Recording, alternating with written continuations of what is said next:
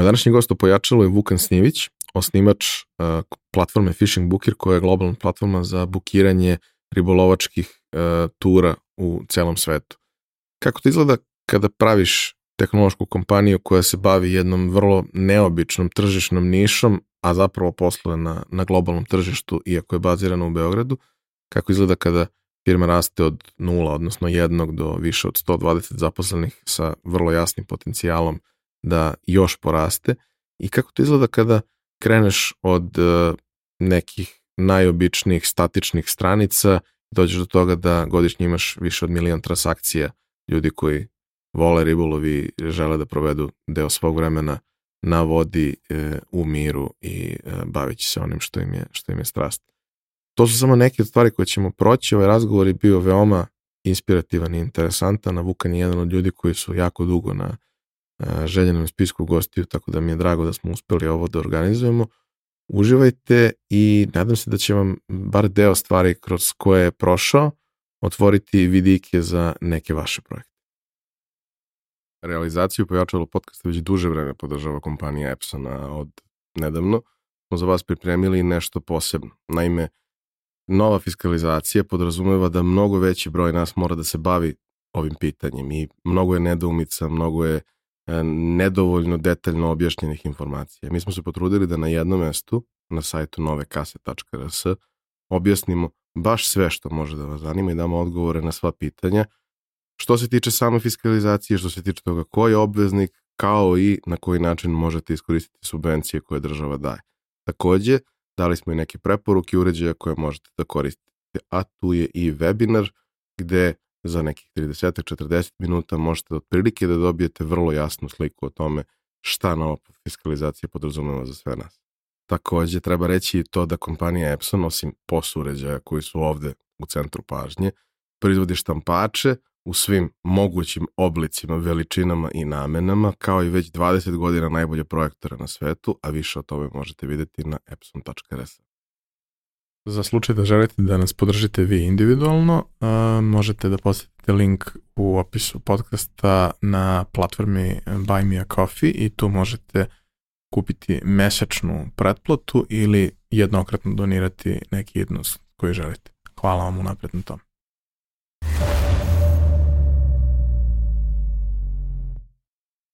Vukane, dobrodošao u Pojačalo. Hvala. Ti si jedan od ljudi koji su od prvog dana na spisku. Mislim, taj spisak sam pomenuo sto puta i on se svaki nedelje ažurira i dopisuju se neki novi ljudi, ali nema baš mnogo njih koji su bili na onom inicijalnom, a koje još nisam snimio. Tako da veliko mi je zadovoljstvo i čast što si danas ovde. Hvala puno. I, I ti si meni na spisku i eto nekako posle, posle par godina smo se konačno iskombinovali, tako da super. Moram da ti pitam sve ono što pitam svoje goste na početku, naše mančmelo pitanje. Šta si teo da budeš kad porasteš? Hteo sam da prodajem ribu na pijaci.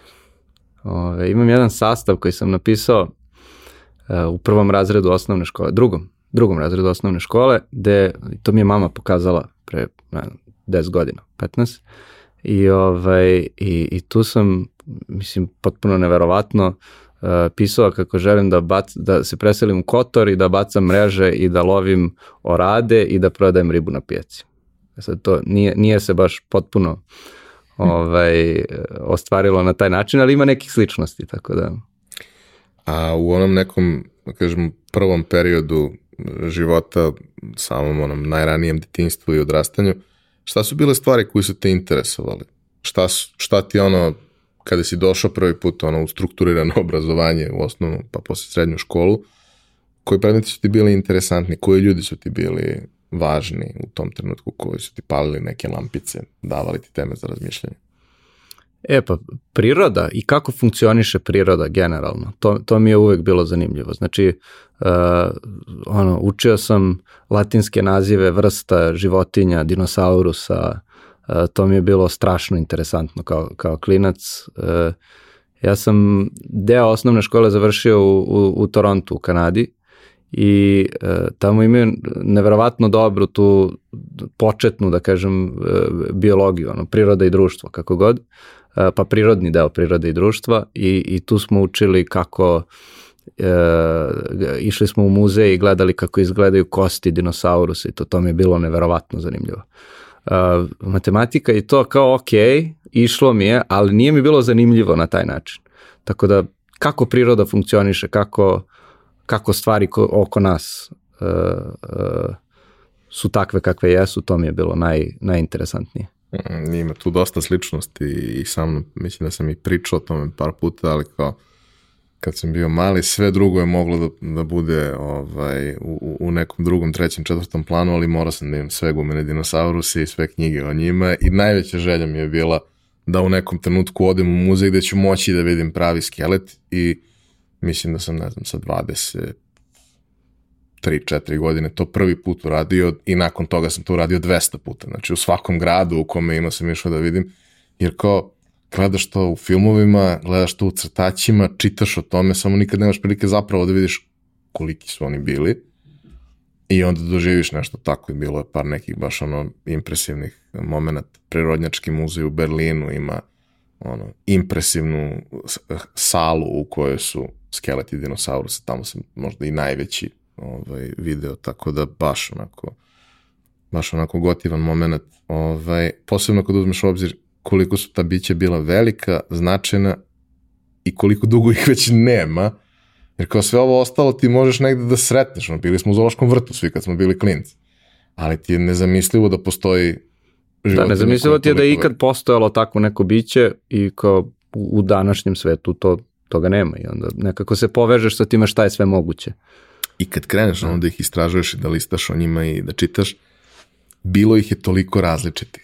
Znaš, kao, bukvalno, danas su to potpuno odvojene životinske vrste, ali imao si i one koji su biljojedi, one koji su mesožderi, imao si ove koji lete, imao si, ne znam, suštinski iz tih nekih osnovnih vrsta dinosaurusa koje smo svi znali, imaš bukvalno prilično linearne derivate danas u životinskom carstvu, ali su mnogo manji, drugačiji.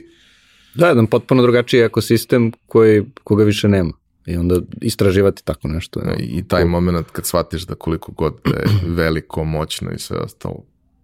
Da. Je, jedan trenutak u vremenu se desi ćao. Upravo.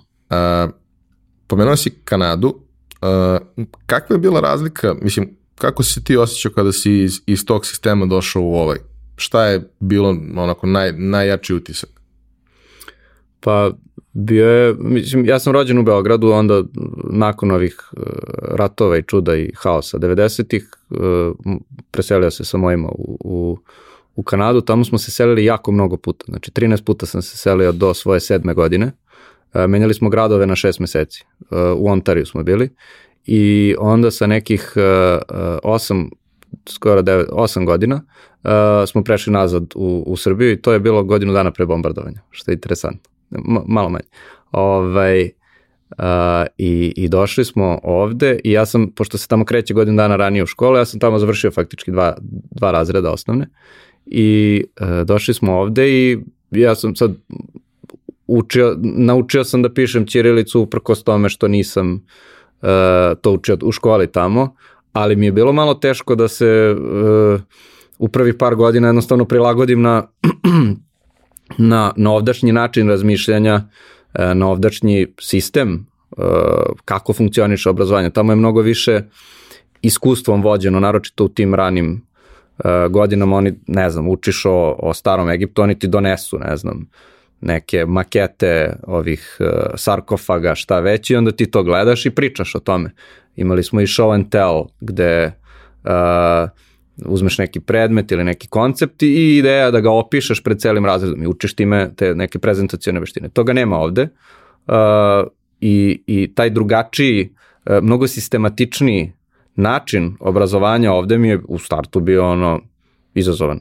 U smislu, bilo mi je teško da se prilagodim. Uh, i posle par godina, ok, ono, naučiš i to je to. Bilo je malo tu i, i, i uh, da, naz, da naučiš opet da razmišljaš na srpskom i to sve, bilo je možda godinu, dve prilagođavanja. Uh, kada ono, dođu te neke malo zrelije godine, kreću da se uvode i, i, i neke kompleksnije stvari. Znaš, kao, prvo krećemo, ne znam, ono, predmet prirode i društvo, pa je tu sve. Pa je onda poznavanje prirode, poznavanje društva. Onda u petom šestom, sedmom, osmom razredu se to raščlanjuje na sve one prirodne nauke koje imamo i sve društvene nauke koje imamo i zapravo po prvi put se ulazi dubinski u, u neke stvari. Nivo toga i dalje nije preterano visok, ali negde ti prvi put tada pokaže šta bi moglo da budu tvoje interesovanja, šta su ti neke sklonosti. Naravno, tu uvijek postoji moment uh, toga kakav profesor ti to predaje i može bude najdivniji predmet na svetu ukoliko ti predaje kreten, vrlo verovatno se nećeš zainteresovati za, za to. Je, ono, zgadit će ti, nažalost, ono, znam dosta ljudi kojima se to desilo i meni se u nekim momentima dešavalo. Kako je u tvom slučaju bilo? Pa, u suštini, e, u tim nekim jako ranim uh, tipa osnovna škola, ne, ne, nemam neke primere učitelja i koji su me niti jako pozitivno iznenadili, niti jako negativno. Jednostavno prošao sam kroz to i bilo mi je okej. Okay. Nije, nije, bilo, nije bilo nekih ključnih momenata iskustava, ni pozitivnih, ni negativnih. A Dosta toga, mimo škole? E, mimo škole je bilo puno. Uh, uh, u, u suštini, uh, moj otac je imao posao takav koji je, da, da, koji je uslovljavao da jako mnogo putujemo. I imao sam tu sreću koju tad nisam uopšte uh, percipirao kao sreću, da su me moje ono vukli po celom svetu sa sobom i imao sam priliku da, da vidim jako puno do svoje već desete godine. Znači obišao sam veći deo kontinenta, već do tada um, bio u 20 zemalja, 15-20 zemalja i ono, to ti proširi dosta vidike, ide, odeš u muzej, ne znam, u, u jednom gradu, odeš u Disneyland na Floridi, odeš, uh, odeš u Brazil, odeš u prašumu, odeš ovamo onamo, odeš uh, u Afriku uh, i kao tako mali, to ti ono, proširi ti vidike šta je sve moguće i izgraditi neku radoznovost. To sad, to tada apsolutno nisam znao da poštujem. Ja sam bio u fazonu, e, nemojte da me terate, hoću da igram žmurke u dvorištu, zašto moram da idem sad s vama tu i tu? Oni, ali jednog dana će ti biti korisno. Ali zašto ja neću, hoću da gledam seriju i da igram žmurke? Ovaj, naravno, kasnije vidiš e, e, vrednost toga, ali on, dete od 8-9 godina, apsolutno ne. Mislim, taj moment zapravo mislim da je vrlo važan i za sve ono šta danas radiš i kako radiš, primarno zato što u tom periodu ti si bio prilično jedinstven po tom pitanju. Većina ono, moje generacije i tvoje i bliskih generacija do 20. godine nije izašla nigde osim možda do Grčke na more ili su možda u nekom trenutku imali ekskurziju do Budimpešte ili Segedina, ali generalno mimo toga se vrlo redko išlo, bilo je sve zatvoreno, trebala je svuda viza, procedure za to su bile paklene i prosto ono, mnogo smo negde bili svi konzervativniji, plus je to bio onaj užasan period i ekonomski i sociološki sa, sa svim sukobima koji su bili i kao kad su negde došle 2000 i kad se stvar malo relaksirala, tačno si mogu da vidiš kako se ljudima otvaraju čakre, ono, jer kao nemaš prilike da se sretneš sa drugom kulturom, sve misliš da funkcioniše na jedan način. Mislim da je to možda i jedan od razloga zašto smo onako generalno, nacionalno, uh, mentalitetski hendikepirani za komunikaciju. Zato što smo komunicirali samo sa ono, pa, istim krugom U svom ljudi nekom oko... staklenom zvonu i, i, i vidiš uh, samo ono što ti je blisko i nisi izložen uh, nekim potpuno drugačijim načinima razmišljanja ne razviješ mogućnost da, da posmatraš svet na potpuno drugi način. A ono, bitno. Važno je. Posebno da. danas kada u suštini, barem ono, u našem poslu, tržište je globalno. I čak i ako si okrenut lokalno mi radiš ovde, ako radiš za velike klijente, opet pričaš sa nekim centralama iz nekih zemalja i opet treba da funkcionišeš dobro sa, sa svima njima. A, srednja škola je u, u principu prvi trenutak kada se malo ozbiljnije profilišemo. Ne mora da bude, ali može da bude slučaj. I e, ta odluka ono na kraju osnovne za mnogi prvo zrela odluka koju donosi. Šta si ti odlučio? Desetu gimnaziju, Novi Beograd. Zašto? E, bilo mi blizu gde sam stanovao. Znao sam da je ok škola, da ima dobro društvo. E, moji roditelji su završili desetu gimnaziju i ono, preporučili su je. Moja baba je predavala u desetoj gimnaziji, hemiju. I kao imao sam više nekih tu veza sa, sa tom školom i bio u fazonu, ok, ajde, ajde probam da upišem to i upisao naravno i eto, to je. I, I, i nisam, nisam se pokao, znači naj, najbliskiji prijatelji koje danas imam su mi drugari iz razreda, iz desete. I ono, družimo se na dnevnom nivou. A, nakon srednje ti upisuješ uh, težak fakultet. I ono, kad je uopšte krenula ideja o tome da, da je možda to pravi izbor? Pa evo ovako kako je to e, funkcionisalo. Negde krajem treće godine srednje e, sam imao tu veliku dilemu da li da studiram u, u Srbiji ili u inostranstvu. E, pošto ja sam kanadski državljanin, imao sam priliku da za Kanada je tu super zato što ono, sad je manje socijalistički nastrojena nego što je bila tada, ali ima relativno e, pristupačne e, studijske programe za svoje državljane. Tako da ti ne, ne moraš da se toliko zadužuješ kao recimo Amerikanci i ostalo ako želiš da studiraš u, ovaj, ovaj tamo. Međutim, ja sam toliko imao bliske uh, uh, bliska prijateljstva i kontakte sa E, ljudima u, u Beogradu, sa, pre svega sa, sa porodicom, sa roditeljima, sa društvom iz, iz srednje škole i slično, da nije mi bilo, iako sam video vrednost kao u tome da, da, da studiram negde u inostranstvu, nije mi bilo preterano atraktivno to.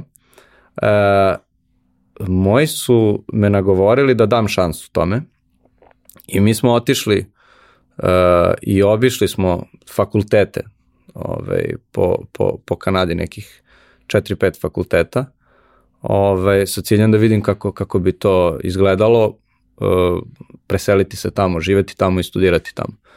I to je sve na papiru izgledalo savršeno. Uh, problem je što nisu mi prijatelji bili tamo, uh, ne volim klimu, mislim tamo zima traje 5-6 meseci, nije baš zima, ali je hladno, ruž, ružnije vreme nego ovde kod nas. Mi smo vrlo uh, imamo sreće ovde sa, sa, A, umerena kontinentalna sa, sa, sa podnebljem gde živimo. Ovaj, I nemam pojma, jednostavno, ni, uh, iako je na papiru to delovalo kao ovo će da ti karijeru započne na pravi način, da dobiješ opcije, m, nije mi bilo nešto sad uh, preterano interesantno. Uh, s druge strane, nisam bio siguran šta želim da studiram. Znači, bilo je uh, nekoliko opcija. Hteo sam između medicine, uh, marine biology, to je znači biologija mora i, i nešto vezano za računare. To su bile tri opcije. Najmanje atraktivno mi je bilo vezano za računare. To me najmanje zanimalo. Ovaj, međutim, uh, bio sam realističan oko toga da ako tipa studiram biologiju mora, uh, nemam neke realne opcije da živim u, u, u, u Srbiji, pošto nema mora, jel? Um, s druge strane, ako, ako idem u lekare, uh, ti si dosta vezan za jednu lokaciju. Znači tu gde, sad to je možda danas malo manje, ali ti ako si lekar u, u, u Kanadi, ti ostaješ lekar u Kanadi. Ako si lekar u, u Srbiji, ostaješ uglavnom lekar u Srbiji. Um, I kompjuteri, odnosno software uh, i inženjerske discipline je nešto što je delovalo da mi je najviše davalo uh, fleksibilnosti i opcija za budućnost. Tako da sam odlučio to da, da upišem upisu ETF ovde u, u Beogradu i eto. Kaži mi, kad je uopšte bio neki tvoj prvi malo konkretni kontakt sa programiranjem, sa ono, računarima na način da to može da bude nekako sredstvo za, za rad i, i slično. Da, pa meni, meni je tata inženjer, e, tako da bio sam izložen kompjuterima e, manje više ceo život. Od kad znam za sebe imali smo kompjuter, imali smo ono, igrali smo tata ja igrice, e, ja sam nešto se zezo, editovao, tu pravio modove svoje, uh, kad je izašao MySpace, pravio sam one layoute i to, to je, mislim, sve bila igra. Um, u srednjoj me interesovalo uh, informatika um, i negde pred kraj srednje sam već krenuo da se zanimam kako da uh, kako da krenem da, da, da, da poslujem, da zarađujem novac preko interneta. I u to imao sam tu sreću da sam jako rano krenuo da se družim s ljudima koji su tad već se bavili internet marketingom i nekako već u ono, trećem, četvrtom razredu srednje, ja sam se već zainteresovao za to, nisam imao pojma šta radim, ali sam bio jako rano izložen tome i krenuo da vidim vrednost toga da ti se razumeš u, u, u računare i možeš ono kao klinac već da kreneš da praviš neki website, da taj website može da ima banere na sebi, da možeš da te banere kad god neko klikne na oglas ti kao da ostvariš neku zaradu i slično. Tako da to je već sa 17 godina, uh, 18 možda krenulo interesovanje i onda je to bilo veliki motivator da se ja zainteresujem za, uh, za programiranje i računare još dublje. Um, upravo to je i negde konceptualno moje, moje sledeće pitanje, to je šta ti je bio prvi posao? Šta mi je bio prvi posao? Prva stvar od koje si nešto zarađivao. Pa zarađivao sam jako sitne pare, evo, sad ne, nekih par web sajtova koje sam pokrenuo, koji su, mislim, smešno ovako gledajući nazad. Uh, pokrenuo sam sa jednim drugom website Brze patike Srbije. Uh, I to je ono neki blog gde smo pisali o, o Nike Air Max patikama i prodavali smo preko Amazon affiliate linkova, zamisli u Srbiji. Uh, kao nudili smo Amazon patike e, i pisali o patikama i e, kao zarađivali kad neko kupi patike. Tu, ono, zaradili smo 10 evra od toga, ali prošli smo kroz pravljanje sajta. Onda je bio neki sajt za rustični nameštaj, gde smo isto prodavali smo rustični, to, to, to sam ja sam pokrenuo i prodavao sam rustični nameštaj preko Amazon affiliate linkova. To je isto tako 17 godina. Tako nešto, onda je bio e, sa 18 je bio hotspot servis za e, bukiranje stolova po kafićima, restoranima, klubovima. E, tu smo kao nešto i zaradili ovaj, za izlazak.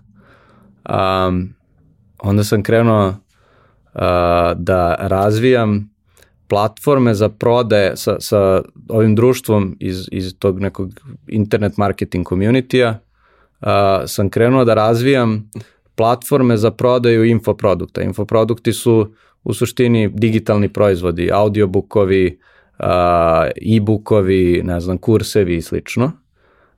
I razvio sam sistem tu za, za ono, plaćanje, distribuciju proizvoda i to tu je već bilo potrebno neko znanje u programiranju. Ovaj, a kako sam stekao to znanje u programiranju? Pa morao sam da idem na kurseve. Znači ovu neku zaradu od freelance poslova i tako sam upumpavao u uh, kurseve škola računara, u, ono, učio PHP i to u tipa prvoj godini faksa, jer sam znao da ćemo učiti PHP tek u trećoj godini faksa. I onda nisam, ko će da čeka do treće godine? Meni sad to treba. I, ove, i tako sam krenuo. E, mislim da je taj moment e, što si tako rano bio izložen ljudima koji e, i radio sa njima, dakle, e, ljudima koji su radili na globalnom tržištu, ali kad kažemo na globalnom tržištu, primarno na onim velikim i ozbiljnim tržištima i što si negde tu mogao da vidiš kako funkcioniše različiti segmenti digitalnog marketinga u tom nekom uh, pre svega performance segmentu, jer kao kada prodaješ nešto konkretno, a idealno ako je digitalni proizvod, ti tačno znaš odnosno moraš tačno da ispratiš koliko te košta svaki kupac. Što je danas, da kažemo, stvar o kojoj svi pričaju, ali pre 10, 12, 15 godina je to tek bilo u, u, u povoju i ako si se bavio ovim tržištem ovde, u suštini se nisi bavio time jer je sve bilo prejeftino i sve se isplatilo svakom. Znači baš smo ono, imali dosta gostiju koji su tako pre deseta godina počinjali sa nečim. Pre deseta godina ti staviš 100 evra na Facebook i imaš ono return od 2000 eura. Jer je jednostavno sve bilo besmisleno, jeftino, dostupno i tako dalje. Plus, da kažemo, ceo, ceo sistem je funkcionisao drugačije i ti si imao i organski nekakav moment tu od koga si mogao da praviš nešto. Danas to je faktički nezamislivo, postoje slučajevi, ali, ali jako redko. Ali taj moment da kao uh,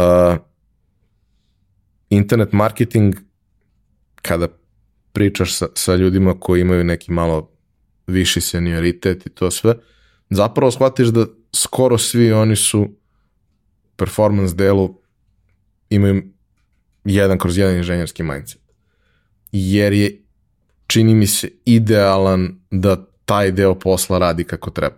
Stalno pričamo o kreativi u marketingu i kreativa je ono što je lepo, zanimljivo, šareno, što privlači masu ljudi. Ali naravno, to sve obično ne bi imalo nikakvog smisla, barem za ove koji zaista očekuju nekakvu konkretnu prodaju ili akciju od toga, ovaj, da ne postoji taj drugi deo u kome zapravo merimo rezultate i trudimo se da prilagodimo celu stvar. E sad, a, kako je to izgledalo u, u tvom, ovaj, da tvojim početcima, kada, kada ste kretali u to sve, jer kao mnoge stvari nisu bile poznate, morali ste da ih provaljujete, morali ste da smišljate načine kako ćete da merite određene stvari, kako ćete da pratite i morali ste da testirate, a testiranje na globalnom marketu je mnogo komplikovanija i skuplja stvar nego što je ovde slučaj. Mislim, volao bih da, da ono, neke insajte, neke zaključke iz tog perioda podeliš sa nama, jer mislim da su oni zapravo jako važni u ovom daljem delu priča koji se odnosi na phishing booker. Da. Uh, pa e, u suštini nekoliko ključnih uh, stvari tu je uh, imao sam taj neki krug bliskih prijatelja uh, možda nas 4-5 koji smo još tako, od, od kad smo klinci se interesovali za internet marketing. I onda smo delili jedni sa drugima knjige na temu, uh, nalazili smo se, pričali smo o tome, e, ja sam probao ovo, e, ja sam uh, podigao ovakav blog. I to je bilo veliki broj sajtova koji su mahom bili neuspešni, Međutim, mi smo isprobavali kako, kako da radiš content marketing, kako da radiš organic uh, optimizaciju za, za SEO, kako da radiš paid marketing, šta se desi ako ti ono Google ne odobri oglas. Znači, jako mladi smo pro, prolazili kroz te, uh, trošili smo neke jako skromne budžete, šta je skroman budžet, ne znam, 100 evra mesečno, 200 evra mesečno, uh, ali, ali na tome, ako to razvučeš kroz par godina, i radiš na velikom broju različitih uh, i proizvoda i sajtova i, i, i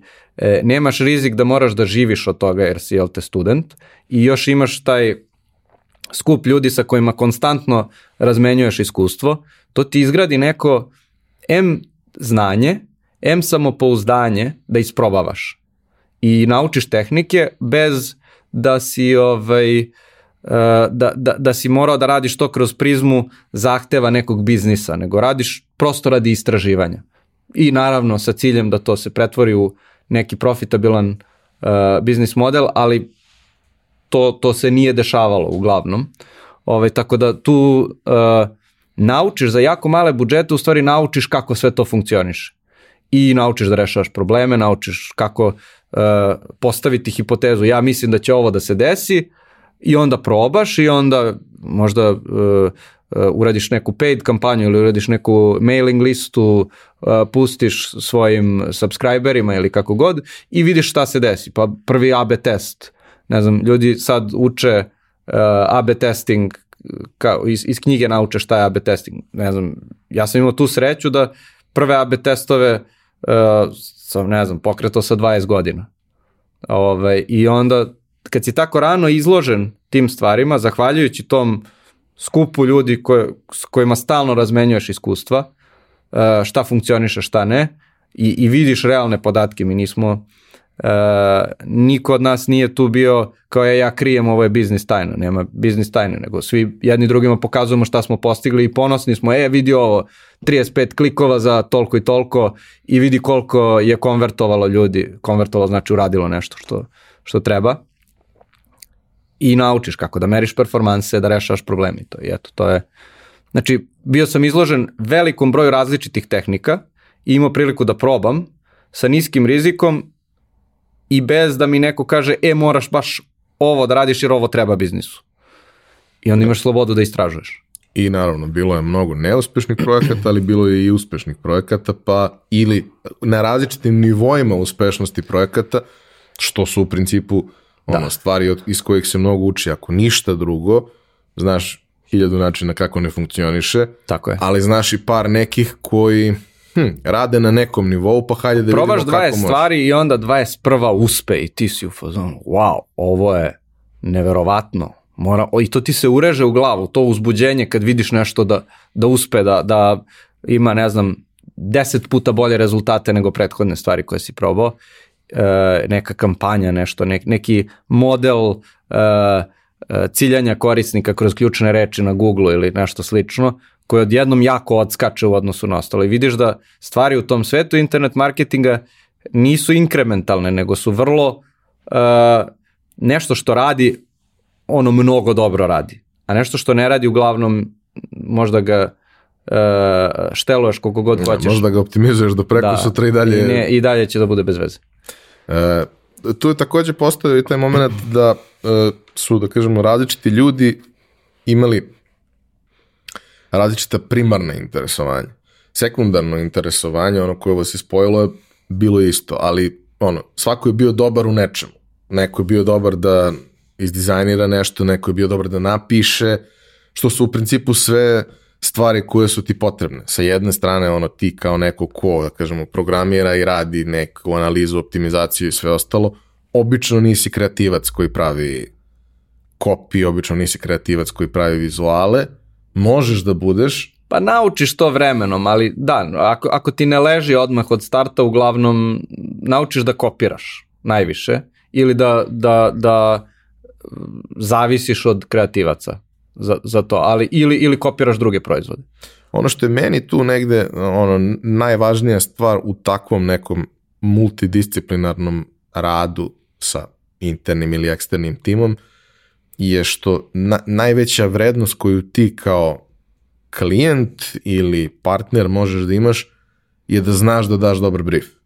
A ne možeš da znaš da daš dobar brief ako ne razumeš šta svako od njih radi.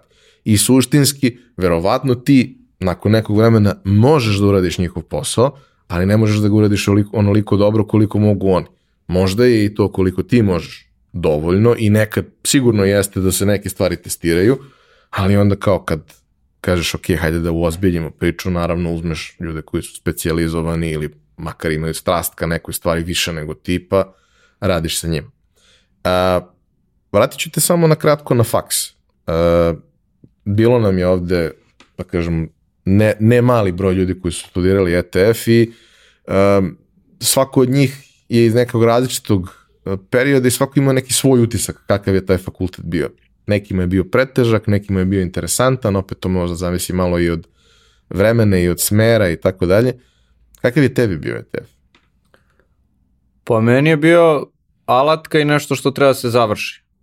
I stekao sam vredno znanje na njemu, pre svega e, kako da se suočiš sa nekim kompleksnim problemom i da ga sistematično rešiš. I da se ne uplašiš problema. Znači, imaš veliki projekat koji moraš da završiš, ja sam software engineering studirao, tako da uh, imaš veliki projekat koji ima rok i moraš da ga završiš na vreme i ako ćeš da ga završiš, moraš da ga dekomponuješ na celine koje su jednostavnije, da vidiš kako svaku od tih celina da, ovaj, da razrešiš i da sve to sklopiš u nešto što funkcioniše i da odbraniš taj projekat. To je meni bio najvredniji uh, uh, deo sa faksa, da se ne uplašiš velikih problema uh, i da istražiš koju treba literaturu, da to, to reši. Ja, ja sam dosta ozbiljno pristupio faksu, ali nisam bio jedan od onih koji kao stalo mi je do ocena. Ne, bilo mi je bitno da ga završim što pre, da mogu da, da krenem da radim, jel tako? To mi je bilo, hoću, hoću da, da budem preduzetnik i onda um, bilo mi je najbitnije da završim u prvom roku sve ispite, kako znam i umem, da mogu ili da radim freelance za leto i zimu, ili da budem na skijanju ili moru. Ovaj, sad što se tiče samog fakulteta, imam ono super prijatelje sa, sa, sa faksa, uh, jako pametni ljudi dođu tamo i naročito ovi koji, koji završavaju ono, koji opstanu. Koji opstanu, ono, vrlo sposobni ljudi i sad gledam kako su se, na koji način su se ostvarili karijerno, vrlo zanimljivo, vrlo zanimljive primere imam sa, od svojih vršnjaka. Um, mislim da je dosta bitna stvar tamo e, u stvari taj kriterijum. Sad, koliko su kvalitetna predavanja ili ne, neću da ulazim u to, ali činjenica da ima teških predmeta koji su kao filteri, gde baš, baš moraš da se iscimaš, da se potrudiš da, da, da, ga, da ga rešiš, e, nekako ti bude ono kao ne, neki, neki teren za dokazivanje gde naučiš da se suočavaš s izazovima. I to je ono glavna stvar koju sam ja poneo sa fakulteta. Da li mi je bio pretežak? Nije. Ja sam uspevao i da se zabavljam dobro i da, i da radim. E, do duše sitne freelance e, posliće tokom faksa e, i da ga završim na vreme. Tako da meni nije bio pretežak. Bio je težak u trenucima, ali nije mi bio wow, sad kako ću ovo. A moraš da se uči. Ne, može, ne, mo, ne možeš kao, e, sad ću da učim tri dana ranije ili neću da, da radim one domaće kolokvijalne projekte kako god i, i to će sve da prođe. Neće proći samo od sebe. Dobro, ja, ja zaista verujem da ono, svaki dobar inženjerski fakultet jednostavno mora da bude težak, zato što treba da te pripremi za stvari koje su prilično kompleksne. Da. Ne može nikada da te pripremi, naročito u našem sistemu, da ti kada sa faksa izađeš si ono plug ti and nemaš play. pojma kad piece, izađeš s faksa. Ali kao imaš neke alate sa kojima možeš da se priključiš nekom timu, da brzo učiš, da imaš dobru osnovu, da razumeš stvari. Nešto, možda ono, sta, stalno pričamo ovde o, o mojoj srednjoj školi, imali smo dosta gostiju koji su robotičari iz Politehničke i kao niko od nas se ne bavi tim. Niko. Možda Srđan Erceg jer njega ne možda smestiš nigde, on se bavi svim. Ovaj, ali činjenica je da smo mi dobili fantastičnu osnovu za sve čime hoćemo da se bavimo ima veze s tehnologijom. Da smo naučili da razumemo stvari i da smo naučili da nas zanima kako stvari radi.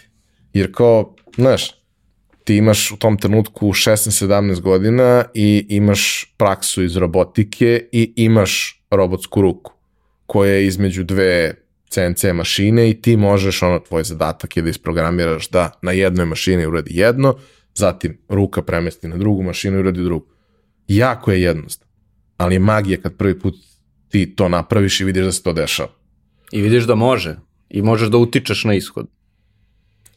Sama činjenica da si ti napravio nešto što je kao, došlo je kao neobrađena stvar, a izašlo je kao, ne znam, šahovska figurica, to su nam bile najčešće, kao na strugu najlakše možeš pri šahovsku figuricu, osim konje. Ovaj, I kao, neverovatno je dobar osjećaj. Zaista je neverovatno dobar osjećaj. Uh, ok, završio si fakultet uh, u roku i uh, pred tobom se ono, pojavio prostor gde sad možeš da biraš hoćeš li da se zaposliš, hoćeš da kreneš nešto svoje, da kreneš sa prijateljima nešto zajedno. Kako si ti u tom trenutku razmišljao? Mislim, ono, generalno mlada osoba koja završi taj fakultet u roku, siguran sam danas ima hiljadu opcije. Ali nisam baš siguran da je tako bilo pre 7, 8, 10 godina. Da, e, bilo je opcija, ali nije hiljadu. Bilo je nekoliko opcija. Ove, I one su bile visokog potencijala, ali nisu bile nešto što je mene... Uglavnom je bilo u velikim IT kompanijama i to nešto je što promovišu na našem fakultetu poprilično uh, zapošljavanje u tim kompanijama, ali meni to nije bilo atraktivno iz nekog razloga. I onda sam hteo da uzmem malo vremena i da razmislim šta ću zapravo. I onda sam upisao master. Jel tako? Da upišeš master kada ne znaš šta ćeš. Ove, ovaj, bez neke pretarane namere da ga završim, nego eto, ajde ga upišem i e, ja ću da uzmem to vreme dok sam na masteru da vidim otprilike šta ću stvarno da radim sa sobom. I bilo je tu, meni je želja bila da budem preduzetnik. A, nisam tad znao šta znači biti preduzetnik. Samo sam imao veliki broj tih nekih sitnih iskustava i, i, i pokušaja što uspešnih, što neuspešnih da se zavrti neki proizvod, ali ni sa jednim se nisam povezivao na nekom emotivnom ili uh, uh, nivou da, da me baš motiviše da se pronalazim tu. I ovaj, i u, hteo sam malo da uzmem da čitam knjige koje me zanimaju, da, ove, da malo proputujem nešto što, što sam odlagao tokom studija uh, i da vidim šta ću. I da, i da isprobam neke ideje koje imam za, za, vezano za preduzetništvo. I kako sam to obezbedio, pa uh, i skupio sam neku ušteđevinu kroz freelance poslove, kroz neke ono, uh, proizvode koje sam prodavao tokom, tokom faksa A, tako da sam imao dovoljno da odem da, ne znam, otputujem Azijom na jako low budget, ono, mesec dana i da tamo vidim šta, da, da, da li mi se možda seli u, u, u Maleziju ili u, u Kinu ili šta god. A, nije mi se selilo tamo. ovaj, ali sam imao puno vremena da razmišljam šta, šta želim da radim i da razrađujem ove ideje koje su mi se polako rađale za, za biznise. I tu sam sastavljao neke uh, biznis planove i spiskove, šta nekih desetak biznis ideja sam otprilike opisao kroz biznis plan, kroz neki canvas, nešto. Uh, I trudio se da saznam koliko je velika verovatnoća da od toga može da se izgradi nešto što bi mi obezbedilo da uh, odložim za godinu dve apliciranje za poslove. Um, I tu je naravno bilo pecaroških ideja jer sam bio i dalje sam vrlo strastveni ribolovac. Um, bilo je i ne pecaroških i skapirao sam da obzirom na, na budžet koji imam koji se meri ono sa stotinama evra, možda hiljadarka, uh, da moram jako pametno da rasporedim taj budžet za isprobavanje tih biznisa, da, da, bi, da bi mogo da vidim da li to funkcioniše uopšte. I eto, to je, to je bio neki početak, onda sam tu tih 7-8 meseci jednostavno izdvojio da e, uzmem neku od tih ideja koje sam osmislio, da se trudim da izgradim najmanje moguće rešenje koje je moguće plasirati na tržište, da iskoristim parčence marketinškog budžeta, da vidim da li uopšte postoji neka šansa u univerzumu da to može na tako mali budžet da pokaže znakove da obećava i onda bih u roku od nekoliko nedelja doneo zaključak da li želim da se bavim time i dalje ili ne. I imao sam to, municije za 6-7 uh, stvari da isprobam. I onda sam krenuo bukvalno i sistematski radio po 8-9 sati dnevno, programirajući i isprobavajući stvari. Sve ideje su bile digitalne. Sve ideje. A, bile su digitalne, ali bilo je i stvari koje imaju veze sa fizičkim proizvodima. Da. Ja. I šta si zaključio u tom procesu testiranja? Pa, ima puno načina da izgradiš uspešan biznis. Uh, moraš baš da budeš ono, otvoreno guma i kreativan, ali uh, uspešan biznis nije dovoljno da te motiviš, sad uspešan biznis, da, da ima puno načina da izgradi, da, uh, da izgradiš ideju koja može da preraste u uspešan biznis. Ali ono što će da te dovede do toga da je održiva kompanija ili nešto što, čime možeš dugo da se baviš je ako ti je baš stalo do toga. I razradio sam nekoliko koncepata koji su pokazali znakove da obećavaju u roku od isto to, par nedelja potrošiš 100 evra na marketing, međutim, onda pomisao da to, time se baviš 2, 3, 4, 5 godina mi je bila ono demotivišuća. Nije mi bilo zanimljivo i odbacivao sam te stvari. Kako sam krenuo da isprobavam stvari vezano za ribolov, a e, Fishing Booker nije originalno trebalo da bude ono što jeste danas, nego je bio potpuno neki drugi biznis model. Bila je aplikacija neka za tagovanje ulova i slično. Uh, tako odjednom sam naišao na bukvalno nalet motivacije da, da baš, baš se, se investiram u to. I onda taj nalet motivacije mi je bio dovoljno jak, da nekako se fokusiram sve više i više na to i da otkrivam uh, dalje iteracije koje bi dovele do održivog nekog biznis modela. I čini se te nije popustilo. Ni malo, ne.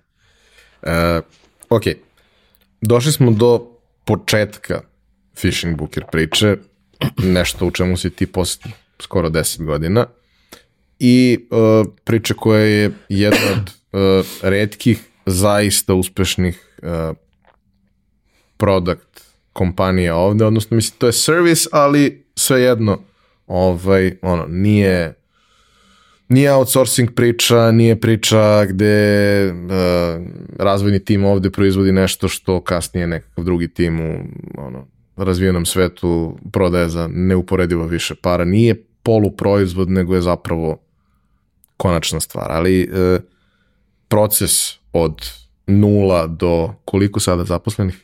Oko 120. Tako. Je prilično dug i, i, i težak. Posebno što Dakle, vi, ono, krećeš od nečega što je okrenuto ka tržištima koja su zahtevna, skupa, radiš sa ljudima koji nisu baš ono, da kažemo, tehnički naj o, o, o, opremljeni i najsavesniji i svesniji i tako dalje. Ove, kako su izgledali prvi trenuci, odnosno, da kažemo, ajde, šta je bio taj MVP od koga ste krenuli i e, kako je izgledala ta neka nulta faza ovaj, do trenutka kad si ti rekao ok, ovo je, ovo je to. Da, nulta faza, da, ajmo od MVP-a da krenemo. MVP je bio nekolicina landing stranica sa ciljem da testira kolika je potražnja za ribolovačkim turama u nekih par destinacija u svetu. Uh, to su bile jako jedan jedva dinamički sajt koji je imao za cilj bukvalno da posetilac sa Google-a sleti tu i da popuni neku formu da je zainteresovan da, da, da bukira turu i ja bi ga zvao telefonom.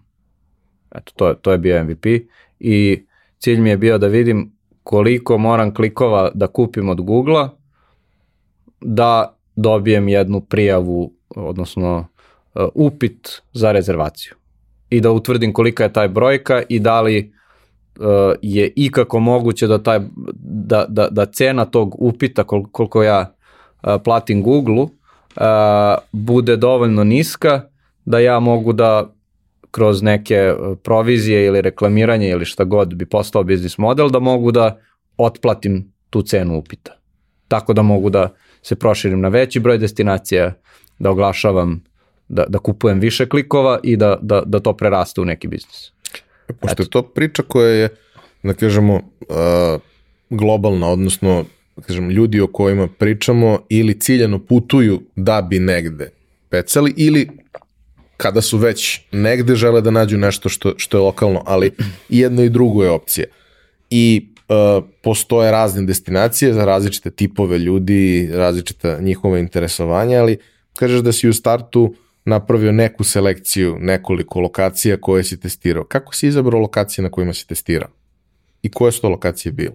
Da, e, pola inženjerski, pola e, ribolovački sanjar pristup. Znači, e, inženjerski pristup je bio, hajde da vidim, e, analizirajući različitim alatkama, gde je najveća potražnja za ribolovačke ture, a gde je najmanja cena klika. Znači, to je bio deo e, e upliva informacija prilikom odlučivanja, a drugi deo je bio uh, kao ribolovac, gde sam od uvek hteo da pecam, a nisam imao prilike. I gde sam gledao ribolovačke emisije i da znam da je dobro, da bez ikakve analize mogu da kažem, e, ovde, ovde je super. Uh, I onda sam spojio ta dva i došao do neke liste od 3-4 destinacije za koje mislim da imaju visok potencijal. Uh, te destinacije su bile Maldivi, uh, zatim Mauricijus u Indijskom okeanu, a, onda e, par gradića na Floridi, o, Tampa, znači na Floridi, zatim e, mislim da je bio Key West um, i, i možda je bio e, grad Durban u Južnoj Africi. Uh -huh. To su mi bila interesantnih nekoliko tržišta. Um, I onda sam napravio znači, te landing stranice za, za, za te destinacije i, ovaj, i usmerio oglase ka, ka njima. Ono što sam jako brzo otkrio je da se tržišta potpuno razlikuju po, po svojim potražnjama, karakteristikama, cenama oglašavanja i slično. Uh, na Maldivima je bilo uh, relativno jeftino oglašavanje, ali je potražnja bila mala, ali su i, i tipovi rezervacija bili um, da kažem luksuzna putovanja. Dok na Floridi na primjer je potražnja ogromna, cena oglašavanja je ogromna, a e, ne radi se o luksuznim putovanjima, već to je jedna aktivnost koja je vrlo mainstream tamo.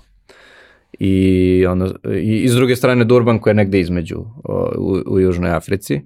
I onda sam vrlo brzo shvatio da ok, nemam u prvih par godina nemam novca da se oglašavam na Floridi, nego moram da krenem sa tim nekim uh, zabačenim luksuznim destinacijama koje su egzotične.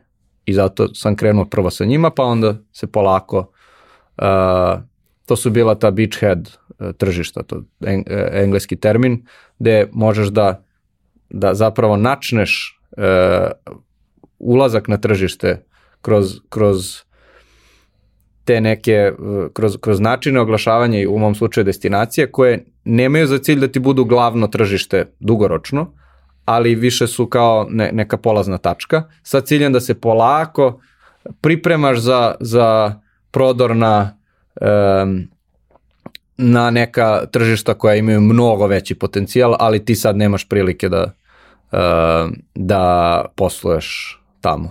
I to je recimo paralela kada ljudi ne znam, iz, iz, iz Srbije uzmu i kaže, a ja ću prvo da lansiram ovaj servis na Balkanu, pa ću da ga proširim na zapadnu Evropu ili na Ameriku. To je sličan princip, samo u ribolovu uh, su to Maldivi pa Florida.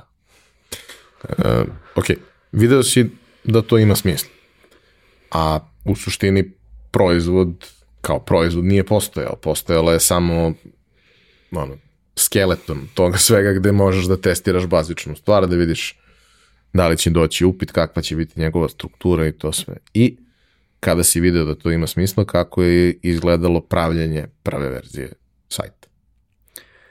Pa, da, e, u, u suštini ja sam dosta tu već video kako izgleda ta online platforma za, za rezervacije kroz bukiranje putovanja, avionske karte, hoteli i slično. Mislim, postoje ogromne sličnosti tu sa rezervacijom e, ribolovačkih tura i ne znam, da, da ja kao jedan inženjer uzem i napravim neku platformu koja je uporediva po funkcionalnostima sa Bookingom ili Airbnb-em je nemoguće bilo i onda nisam ni pokušavao to da radim. Uh, već sam se trudio da saznam šta je od to od funkcionalnosti koje bi mogao da napravim na sajtu, što bi me dovelo do toga da budem bliži da, da mogu da priuštim da poslujem još par meseci. I onda tako iterativno, sloj po sloj, e, sam dodavao funkcionalnosti koje su manje više mi obezbeđivale samo da nastavim da radim na tome. E, u startu su to bile uglavnom stvari koje su vezane da za za mogućnost da oglašavam veći broj destinacija, za ponude, jednostavno da mogu da proširim to tržište i da e, prijavljujem nove prodavce usluga, znači korisnike, da taj deo učinim što efikasnijim, a sad rezervacije manje više, to je mnogo kompleksno bilo, obrade, plaćanja, to, to je sve bilo pomoću štapa kanapa u startu, uh, jer jednostavno nisam kao pojedinac ili nas par, nismo imali kapacite da razvijemo toliko kompleksnu uh, platformu odmah. I onda nismo ni pokušavali krenuli ste od nečega što je, što je bazično, a ljudima daje za da. početak sve informacije koje su. Tako je, znači da dobiješ sve informacije koje ti trebaju da bukiraš, a onda kada dođe do bukiranja ti u stvari pošalješ upit i naša podrška simulira neki sistem za rezervacije tako što jako brzo šalje mailove i koristi template PDF-ova koji izgledaju kao da su kompjuterski generisani, a u stvari nisu. I to je tako trajalo par godina, mislim, dok nismo kompletirali tu e, platformu za, za rezervisanje. Znači glavni fokus je bio u startu da se proizvedu funkcionalnosti koje bi omogućile da, e, da, da imamo veliku potražnju za, za rezervacijama i, i da, da nam dolazi, to je sad iz, iz onog internet marketing e, e, pozadine, da nam dolazi veći broj poseta preko Google i da imamo odgovarajuće landing stranice za svaku e, destinaciju gde želimo da se oglašavamo, koje su napravljene tako da se maksimizuje verovatnoća za, za upitom. Znači da svaki dolar koji ubacimo u marketing, da izvučemo maksimum iz njega. E, pomenuo sam to i malo pre i sad bih te vratio na to jer zapravo sada ulaziš u, u, u tu priču na, na, u nekom punom smislu. E, ti treba da radiš sa ljudima koji organizuju to, koji u principu nikada nisu radili sa nekim takvim sistemom. Svi oni imaju neki način na koji funkcionišu, verovatno je to neka, kažemo, lokalna priča, jer najčešće su i, i oni koji, koji dolaze, ljudi koji su tu fizički, pa im neko preporuči, pa postoji neki sistem preporuka lidova, ali obično lokalizovan. Ne postoji centralizovano mesto. Sigurno su neki od njih imali sajtove na kojima si mogao da bukiraš, ali samo njih. E sad prvi put se na, na neko malo ozbiljnijem nivou pojavljuje ekipa iz neke čudne zemlje koja pokušava da na jednom mestu napravi ljudima izbor. Siguran sam da to nije jednostavno. Siguran sam da ono u startu dok nisi izgrađen, dok nisi ti taj koji njima treba, nego su oni ti koji tebi trebaju, da nije baš jednostavno pričati sa tim ljudima i da sigurno postoji i ono moment uh, ja hoću, ali onda ne možete da ubacite njega ili nešto slično ili zašto on ima bolju stranicu nego ja ili kako god a da pričaš sa ljudima koji najčešće ne razumeju baš kako to funkcioniše, šta je potrebno sa njihove strane da bi to bilo najbolje moguće i tako dalje. Tebi je u tom trenutku to što dobiješ od njih jedina stvar sa kojom možeš da radiš. Znači, ne možeš ti da odeš i da ih obiđeš i da ti napraviš fotografije i da ti nemaš te mogućnosti u tom trenutku. Kako izgleda taj deo? A, to je bio jedno, bilo jedno iskustvo učenja veliko. A, svašta smo pokušavali. Kažem smo, zato što već m, samo prvih par meseci sam ja to skroz sam radio. Onda posle toga je e, bilo nekoliko nas. A, pa svašta smo pokušavali. Pokušavali smo telefonom, pokušavali smo da im pomažemo oko kreiranja listinga tih ponuda, online ponuda. Pokušavali smo čim smo imali uslove za to, otputovali smo na glavna tržišta. Uh, bio je veliki izazov da se edukuje uopšte ta industrija, da m, ono, je moguće dobijati rezervacije preko neke online platforme i da to zapravo funkcioniše. Sad, I, da, I da na te rezervacije moraju da odgovore kad dođe. Da, da moraju da odgovore i da možda moraju da plate neku proviziju za to, a ni, nije im se sviđalo da plaćaju proviziju na bilo šta. Uh,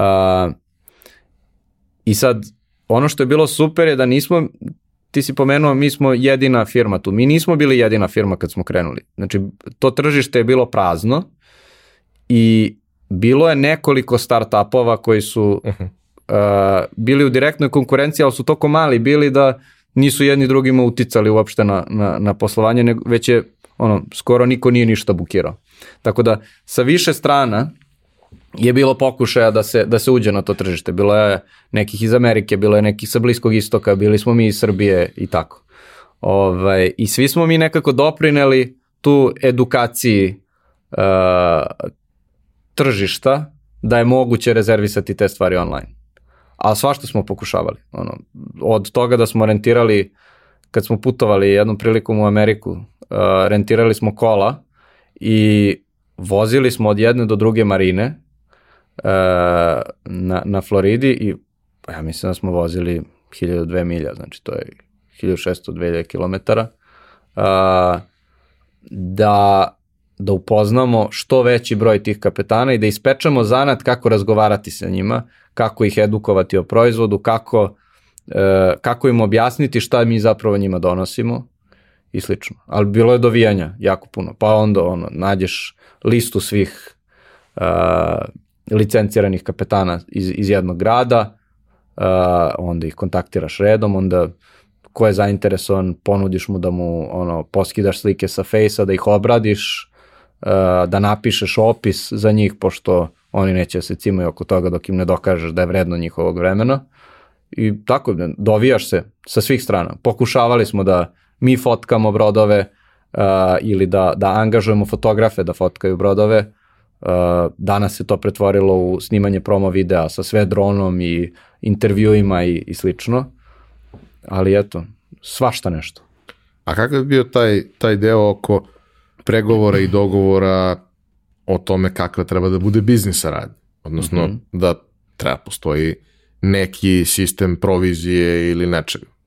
Da, to je nekako prirodno došlo kroz razgovore sa, sa tim e, kapetanima. E, u, u, u suštini bilo je dva neka, dva ključna razgovora.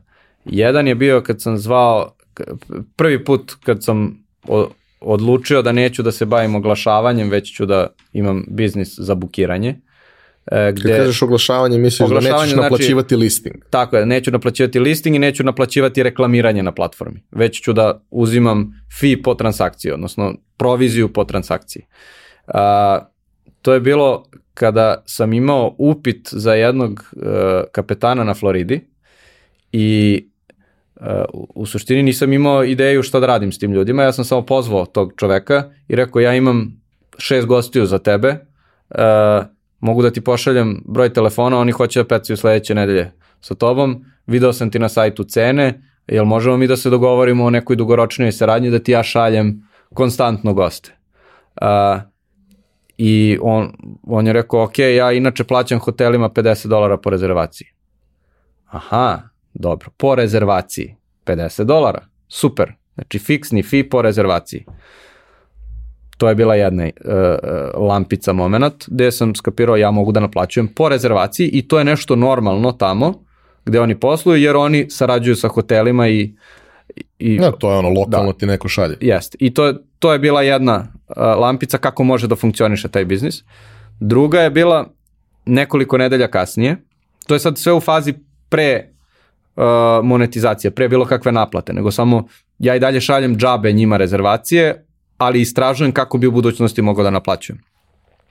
Druga uh, ključna tačka je šaljem rezervaciju neku na Maldive uh, i zovem tog uh, kapetana, kažem ja imam tog i tog za, za, za tebe, uh, kako, kako želiš da, ono, da organizujemo saradnju i on kaže pa dobro ja mogu da ti dam 10% od rezervacije, ja kažem ok i igrom slučaja mi on javi par sati kasnije da ipak nije dostupan za taj dan i ja moram da tražim nekog drugog.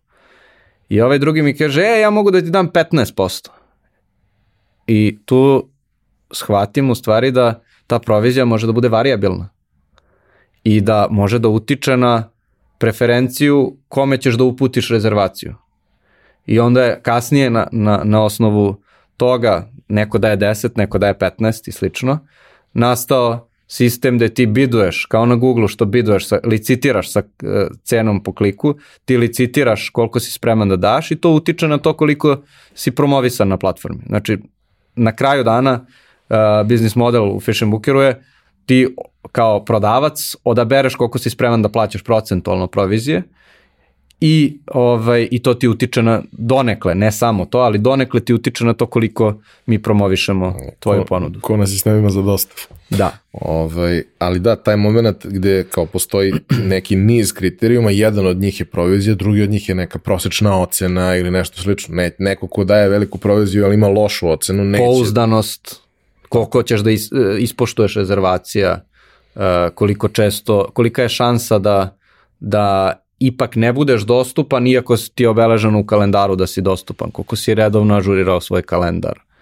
svašta nešto.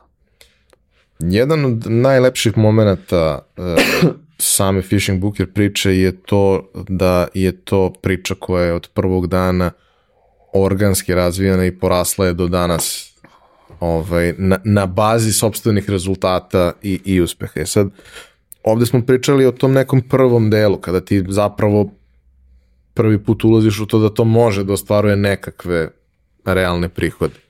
Kako se, uh, kako se razvijao biznis i kako si ti razvijao kao čovjek koji vodi biznis? Zato što s jedne strane, ok, tebe to loži, što je dosta bitno za, za motivaciju i, i strajnost u krajnjoj liniji. Sa druge strane, ti si inženjer koji jako dobro razume taj deo priče, razume i marketing i dobro, dobro imaš fit za to da vodiš, ali nisi neko ko je vodio biznis, nisi neko ko je vodio ljude, birao ljude, birao saradnike, nisi neko ko je radio sales dok nisi počeo da ga radiš jer nije imao ko drugi da ga radi. Svaki korak u razvoju tog biznisa je bio ono, verovatno mind blowing za tebe, zato što ulaziš u stvari koje su ti strane, zato što neko mora, a onda kad vidiš kako je, onda negde tražiš čoveka koji može da ti pokrije taj deo na, na zadovoljavajući način. Kako je izgledala firma? Znači, ok, u startu si bio sam, onda vas je bilo nekoliko. Kako se priča razvijala dalje? Kako se biznis sam razvijao? Pa, bilo je jako haotično u startu. Mislim, ja, ja nisam imao pojma šta radim. Niko tamo nije imao pojma šta radi u startu. Znači, svima je to bilo prvi, prvi posao, prvi put da rade nešto u timu zajedno, prv, tako. Znači, jedno, studenti se našli da se igraju ovaj, start-upa. To je bukvalno tako izgledalo. Uh, čak, e, sad moram da ispričam nešto, uh, da, da, da dočaram tu sliku. Uh, Nemanja Cerovac je bio na podcastu kod tebe, on je inače moj dobar drugar i iz srednje škole i, iz, i, i, i sa faksa i onda smo imali priliku da, da radimo zajedno. I sećam se jednom, dolazim u kancelariju i sad par nas tu zezamo se, toliko je bilo neozbiljno da smo odlučili da radimo, ono, navukli majice preko glave kao, kao kape i rade sad ljudi tu bez majice. Ono, nas tri drugara ovaj, cepamo. To je, znači, bio haos. Nije, sve je bilo samo ne jedan ozbiljan biznis poduhvat. Uh, I moralo je da se pretvori iz tog I sad zašto, zašto cera? Zato što tu je, zatičem tu ovaj, ekipu i sad kao, e, a moraš i ti kao bez majici. Sad skidam ja majicu i kao kuckam za kompom e, bez majice. To, toliki je bio nivo ozbiljnosti, znači nula. I moralo je nekako da se dođe do ovaj, do nekog uređenog sistema koji funkcioniše i do firme gde žele ljudi da rade, a da nisu samo ekipa iz srednje škole ili sa faksa. Taj moment, da. generalno kad ti ono, kreneš sa, sa prijateljima, ha, haotičnost je e, čak i poželjna, ako da. ćemo iskreno. Ovaj, ali upravo to da, da od toga treba da nastave, nastane nekakav sistem koji može da se razvije, koji može da funkcioniše bez toga da si ti uključen u svaki mikrokorak koji, koji tu postoji. Kao to je nešto na čemu mnogi ljudi failuju u, u, u nekom svom razvoju. I znam, siguran sam da je jako teško i, i sam sam se borio s takvim stvarima, do duše ne onoliko uspešno koliko ti to radiš, ovaj, da kao stvari do kojih ti je stalo moraš ipak da pustiš nekome da ih radi. Ovaj, sve to se testira na manjoj skali ako uspe na manjoj skali, to je preduslov da dođe uopšte do, do ovoga gde je danas. Kako je u tvom slučaju to, to izgledalo? Kažemo, ajde, mislim, ko su bili neki i e, ključni trenuci koji su bili i ko su bili neki ključni ljudi koji su ti tu ono, pomagali, znači ili bili neko na koga možeš da se mhm. osloniš. Mislim, dobar deo firme uh, je tu jako dugo, što da. je prilično dobar uh, pokazatelj ono uh, toga koliko je firma zapravo zdravo okruženje za rad, koliko je dobro mesto za rad. Mislim, uh, ja mnogo volim ono što ti radiš. Ja nemam baš mnogo gostiju za koje sam u fazonu, ljubomoran sam malo na, na, na tebe. Ne, ne zanima me toliko pecanje, ali mi je fantastično da uh, neko pronađe strast i onda nađe način kako da od te strasti napravi nešto što je wow, ne samo za tebe, nego i za sve ljude koji su uključeni u tu priču i za hiljade ljudi kojima vi pružate uslugu koja im čini život lepšim. Znaš, tako da uh, hoću da probamo da, da damo nekim ili mladim ili ne možda nužno mladim ljudima, ali ljudima koji su sada u nekoj tački koja nije Fishing Booker 2022, nego je Fishing Booker 2013, 14, 15, 16, prosto ono, neke zanimljive tačke i momente u tom putu i kako je to uticalo na tebe. Da, super. Uh, dosta široka tema, ali ajmo da, da, da prođemo neke stvari ovako, da, da iskopamo.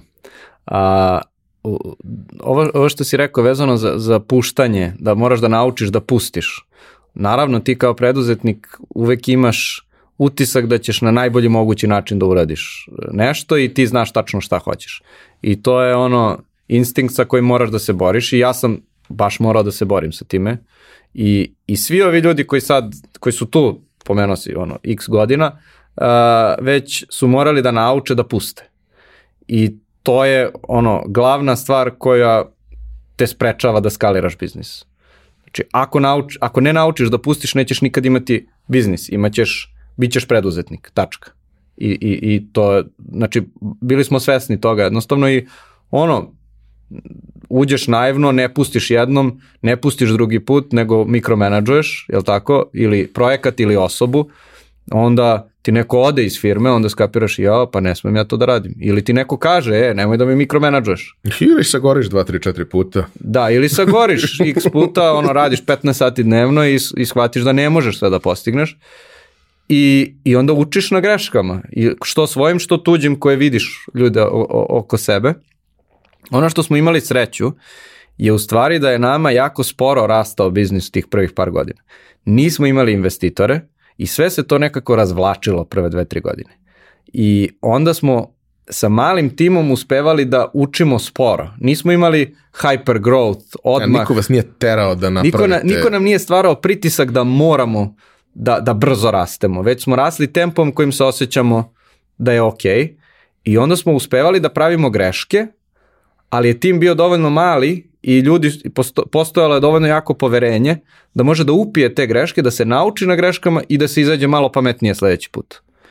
I to je trajalo godinama, bukvalno naša obuka kako da, da, da, da radimo u timu. E, zato što, kao što sam ti rekao, većini ljudi tih koji su rano došli ili su imali pola godine, godinu radnog iskustva ili nikad nisu bili u firmi, nijednoj. Sveži s faksa. I onda bilo raznih gluposti koje smo morali da prevaziđemo. E sad, um, ne znam, ko, ko, koji, su, koji su neki ključni trenuci, uh, ključne osobe, ne uh, ajde, odakle da krenem. Uh, ključni trenuci za, za mene bar su bili, ok, kako da pripremim sastanak za celu firmu. I kao firma u jednom trenutku ima troje ljudi, lako, zapišeš na papir o čemu pričaš, uh, održiš kratak govor, postaviš neka pitanja i to uh, evoluira u diskusiju. Tri meseca kasnije nema više troje ljudi, ima šest ljudi. Uh, ako postaviš pitanja, odjednom se razvije diskusija između tih ljudi i to evoluira u, u diskusiju od 3 sata, što je ranije bilo 10-15 minuta. Aha, mora da se menja plan. Šest meseci kasnije, godina dana kasnije imaš 15 ljudi a, na koji način da uopšte staviš ljude u jednu sobu imajući u vidu da imaš 25 kvadrata, 30 kvadrata, najveću prostoriju, a, a da, da se ne poguše svi i kako uopšte da napraviš agendu sastanka da svima bude blisko obzirom da ne rade svi istu uh, rolu. I ta evolucija kako komunicirati sa, sa, sa timom i kako komunicirati o promenama i to, i to je nešto sa čime i danas se e, suočavamo zato što firma i dalje raste i za svaki red veličine e, kompanije ti moraš na drugačiji način da organizuješ e, komunikaciju. I onda se stvara trenutak kada ne možeš više sve što se dešava u firmi da komuniciraš sa svima, već moraš da se podeliš u timove i timovi među sobom moraju da diskutuju ciljeve, planove i slično. Znači to su neki kao e, e, ključni trenuci, pa moraš da e, ti vođe tih timova moraju da nauče da sami e, vode sastanak, da, da rešavaju probleme, da imaju smislene diskusije, a kako onda da obučiš te tim lidere? Eto, to je, e, i sad, ne znam, ključna osoba tu kroz, kroz ceo taj put je, je Dino koji je partner u Fishing Bookeru koji je došao relativno rano i ono, do, dosta smo veliki deo tog puta prošli uh, prošli zajedno kako uopšte da, da napraviš tu strukturiranu komunikaciju u firmi da ljudi znaju šta se dešava, šta je plan i kuda idemo. A da ih ne A da ih ne ono ne gnjaviš, stalno. ne preplaviš, ne ne demotivišeš sa iz, izbljuvavanjem informacija koje su nerelevantne. Sad ima ima ovaj uh, ima puno inženjera sa, sa kojima sam radio kroz uh, kroz godine koji su isto bili ključni u, u, ono, u izgradnji platforme, ne znam, Čedo koji je došao jako rano, on nam je prvi senior bio uh, u, u, u timu, zatim uh, Nino Tina koji su danas u Google-u, mazno ih je Google nažalost, uh, Olga, to su sve ljudi koji su došli uh, na, na praksu kao inženjeri i onda kroz, kroz vreme dogurali do toga da, da zapravo vode timove, da budu lead inženjeri uh, i, i, i, i da nauče da budu lideri. Ovaj, zatim ono ima ima ne, ne, ne, ima previše značajnih ljudi, ne znam, Toma dizajner, on je uh, legendaran, sa njim sam imao priliku da radim i neke druge freelance gigove uh, pre, pre Fishing Bookera uh, smo dostavljali neke maske za iPhone-ove ovaj, kolima njegovim zajedno, to je bilo isto internet marketing priča. Sećam se toga. E, on, to je Toma dizajner radio, pre toga je bio Toma uh, vozimo maske zajedno. I tako, to su, dosta tih ljudi su i dalje ono, u, u firmi i prošli su taj neki put od, e, ja nemam pojma šta radim, mi niko od nas nema pojma šta radi i ovaj, učimo da vodimo timove, učimo da vodimo biznis, da, da strukturiramo ciljeve, da strukturiramo procese u timu i tako. A sa biznis strane, rekao si da je prvih nekoliko godina bilo, kažem, relativno spor rast, što je u principu normalno ako rasteš organski, jer akumulacija kapitala u prvih nekoliko godina ide mnogo sporije nego kad se uhvati zamajac u tom celom procesu. Šta su bili biznis ključne stvari kroz, kroz ove godine i kako je otprilike biznis rastao kroz vreme? Da. E, pa znači, svaki online marketplace raste sporo u startu zato što mora da se gradi ponuda i potražnja postepeno, jer ne možeš samo ponudu da izgradiš, jer onda e, ne, nema dovoljno potražnje da se zadovolje svi prodavci. A s druge strane ne možeš da dovedeš ni, ni, ni puno potražnje ako nemaš ponudu, nego mora to da ide nekako kao stepenice, jedan po jedan. I, ovaj, I to je bilo prvih nekoliko godina. Znači, gradimo proizvod, gradimo platformu, uh, gradimo ponudu i potražnju istovremeno i trudimo se da skapiramo koji je mehanizam pomoću koga mi dovodimo i prodavce i kupce na platformu na jedan relativno održiv finansijski način. I sad tu su nam konkurenti bili naivni i uzeli i podigli investicije i grunuli puno para u marketing i onda spale sve pare i to je to, tu se završi priča i oni bankrotiraju. A, mi nismo imali investicije i onda smo a, bili primorani da sporo radimo i da, da ono, tri put meri jednom seci. I sve tako sporo, spor rast, sporo uh, kapiranje kako da sistematizujemo biznis, ali onda kad jednom nešto naučiš, to je to, to je internalizovano u DNK firme i, i firma nadalje zna to da radi baš dobro. I to je bilo kako raditi paid marketing, kako raditi organic marketing, sve to kroz prizmu ribolovačke industrije. Kako optimizovati proizvod za konverzije, za, za, znači kako praviti strukturirano AB testove i eksperimente, tako da svaki put kada promeniš nešto na proizvodu znaš da je pozitivna promena i kako napraviti sistem za zapošljavanje ljudi tako da dovodiš kvalitetne ljude i za napredak tih ljudi tako da oni dobro, e, da, da ih dugo zadržiš i da napreduju kroz vreme. I da, da jednostavno budu motivisani da ostaju u firmi. To su, da kažem, glavni neke stvari koje smo morali da naučimo u prvih par godina, da bi uopšte imali priliku da se takmičimo kao biznis. I tu nam je pomogao taj spor rast. E onda šta se desilo posle Ne znam da li da ulazim u to Uđi. dalje. Posle jedno tri godine, četiri godine, dovoljno dugo smo radili na tim stvarima da uh, je krenulo da nam dolazi, uh, ne, nekako je sve leglo što smo, sve promene na proizvodu koje smo napravili, sve marketinške inicijative koje smo pokrenuli, tako da su otprilike se poklopile dve, tri stvari odjednom. Uh, krenuli smo da se rangiramo na Google organski, što znači dolaze ti besplatne posete sa Google-a. Uh, plaćeni marketing je odjednom dobio ogromnu subvenciju jer imaš uh, veliki upliv poseta koje ne plaćaš, što znači mogli smo da budemo konkurentniji tu. Mogli ste više da trošite. Da. mogli smo više da trošimo i a, dovoljno je bio digitalizovan proizvod tako da nismo imali operativno ograničenje koliko možemo rezervacija da obradimo tokom jednog dana. Znači prestali smo da budemo a, turistička agencija i postali smo online marketplace stvarno. I to se sve desilo nakon oko tri godine, četiri, i onda smo krenuli da rastemo izuzetno brzo. I tad e, kažu da marketplace je najteže da pokreneš, a, odnosno i najteže i da pokreneš, a najteže i da ga ubiješ. Kad je jednom krenulo da raste, to je bio kao jedan točak koji smo mi jako teško vrteli zupčanike u startu i odjednom je to kre, sve krenulo da se vrti i ti samo treba da, da kontrolišeš taj, što se kaže, spin i on sve brže i brže ide i ti ga malo poguraš i on još brže, još brže i kao neki, ne, ona pozitivna povratna sprega koja sama sebe uh, uh, propagira.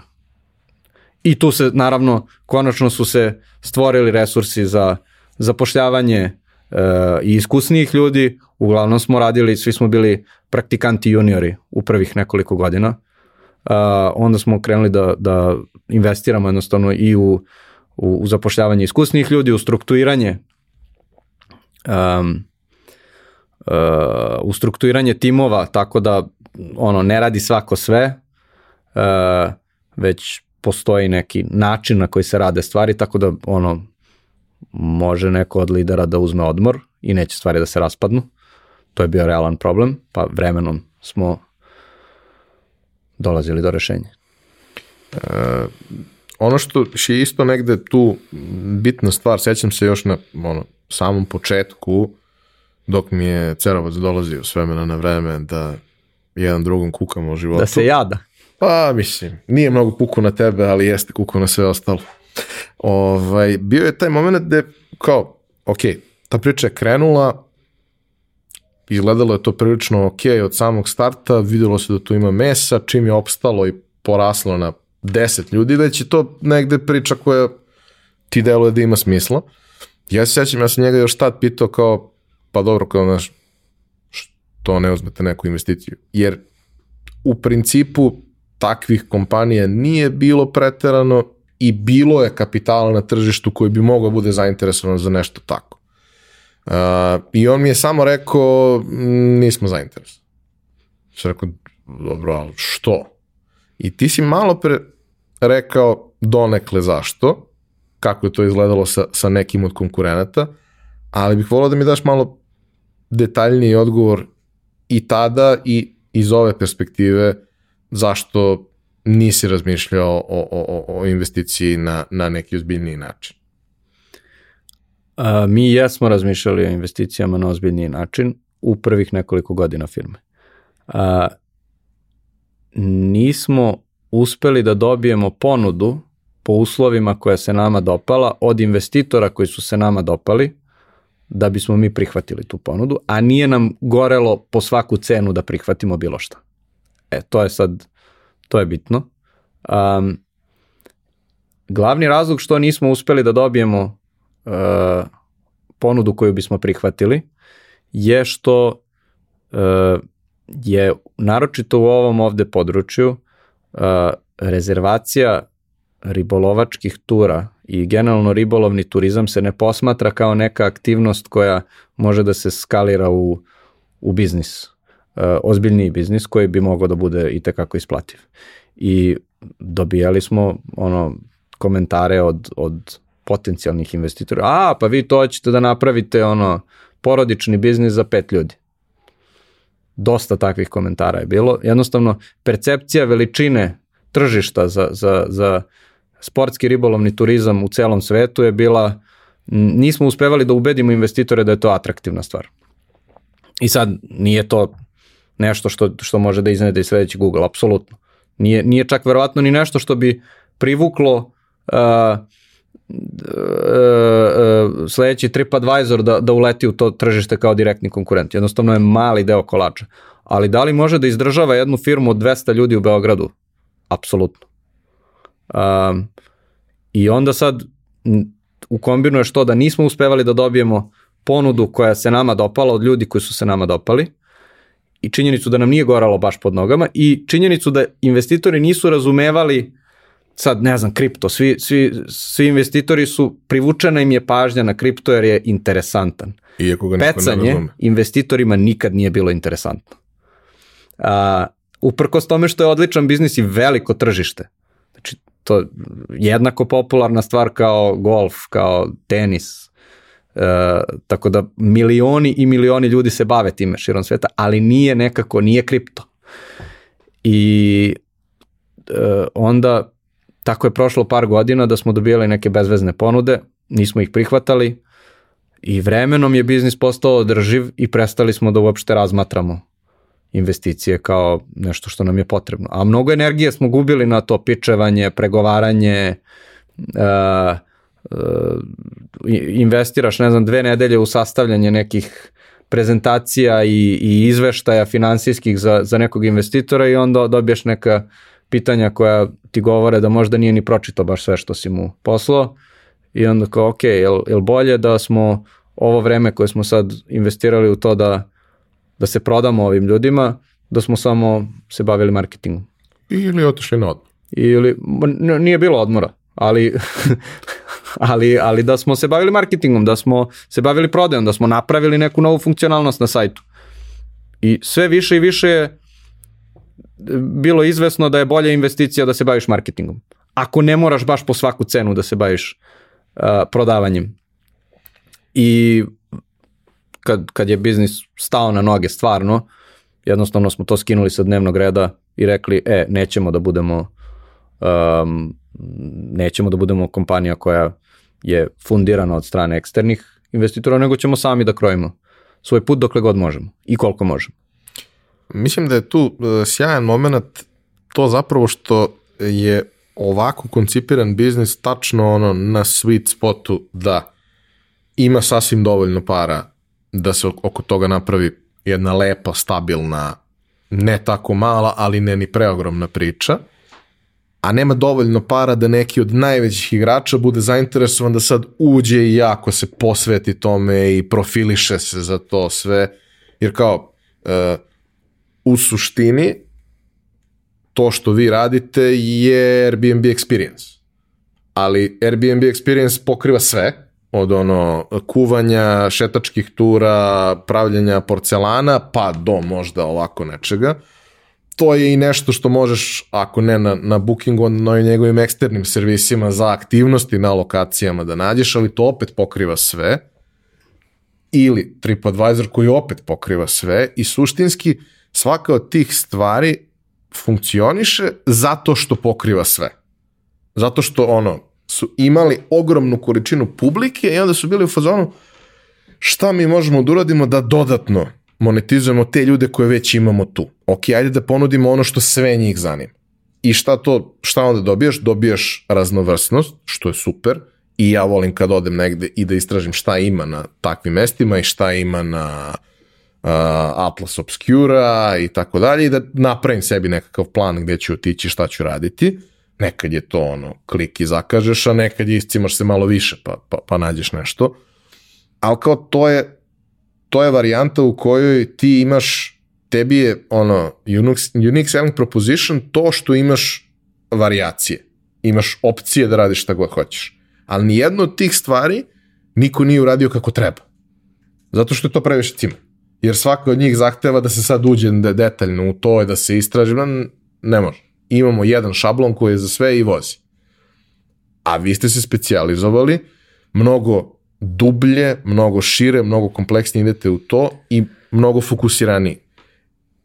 Kažem, mislim da je taj ono moment što je to tačno na, na, na tom sweet spotu između toga da bude interesantno nekome ko je preveliki. Mislim, to bude interesantno nekome ko je preveliki, ko onda dođe i kupi firmu koja to već radi ali vrlo redko oni naprave interno tim Neće koji će da, da, se prave bavi. tim oko toga jer im nije ROI, više im se isplate da kupe tog igrača nego da, da, da, da sa, se sami cimaju da razumeju taj biznis.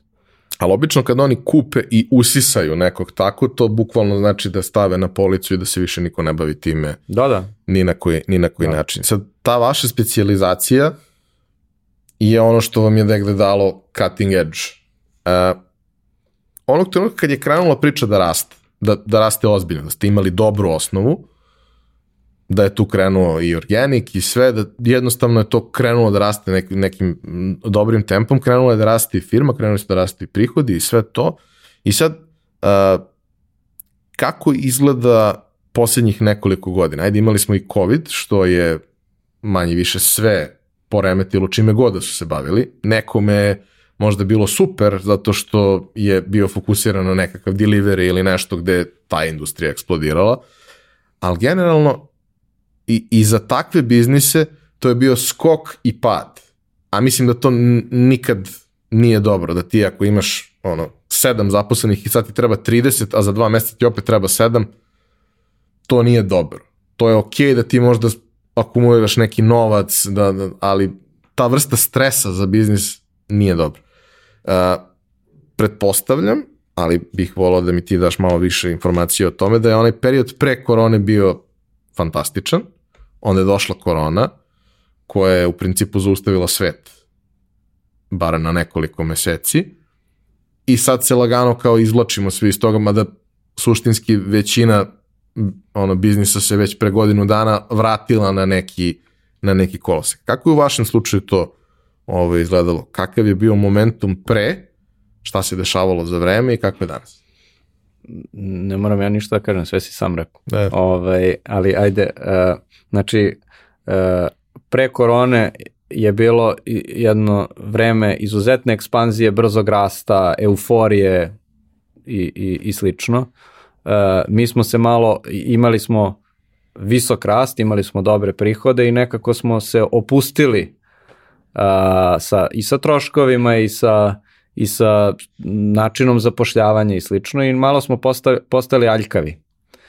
I prestali smo i da pratimo detaljno koliko imamo uh, ušteđevine i slično i onda taj šok u martu i aprilu kad ti prihodi padnu odjednom sa znači imaš 65% rast godina na godinu u martu aprilu i onda ti prihodi padnu za 96%. Uh, izvini, u februaru imaš 65% rast, a onda ti u martu i aprilu padne prihod za 96%, znači padne na 4%. Uh, Solidno i kreneš da krvariš novac i razmišljaš o tome, ok, ako ovo traje još 4-5 meseci, odo smo mi ovaj, do zla Boga.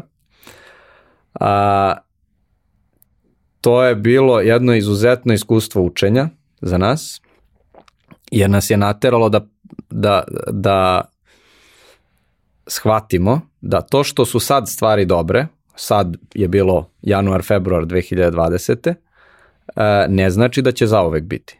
I promenilo nam je skroz način razmišljanja. Bukvalno smo uveli jednu parolu u firmi uh, be great instead of big.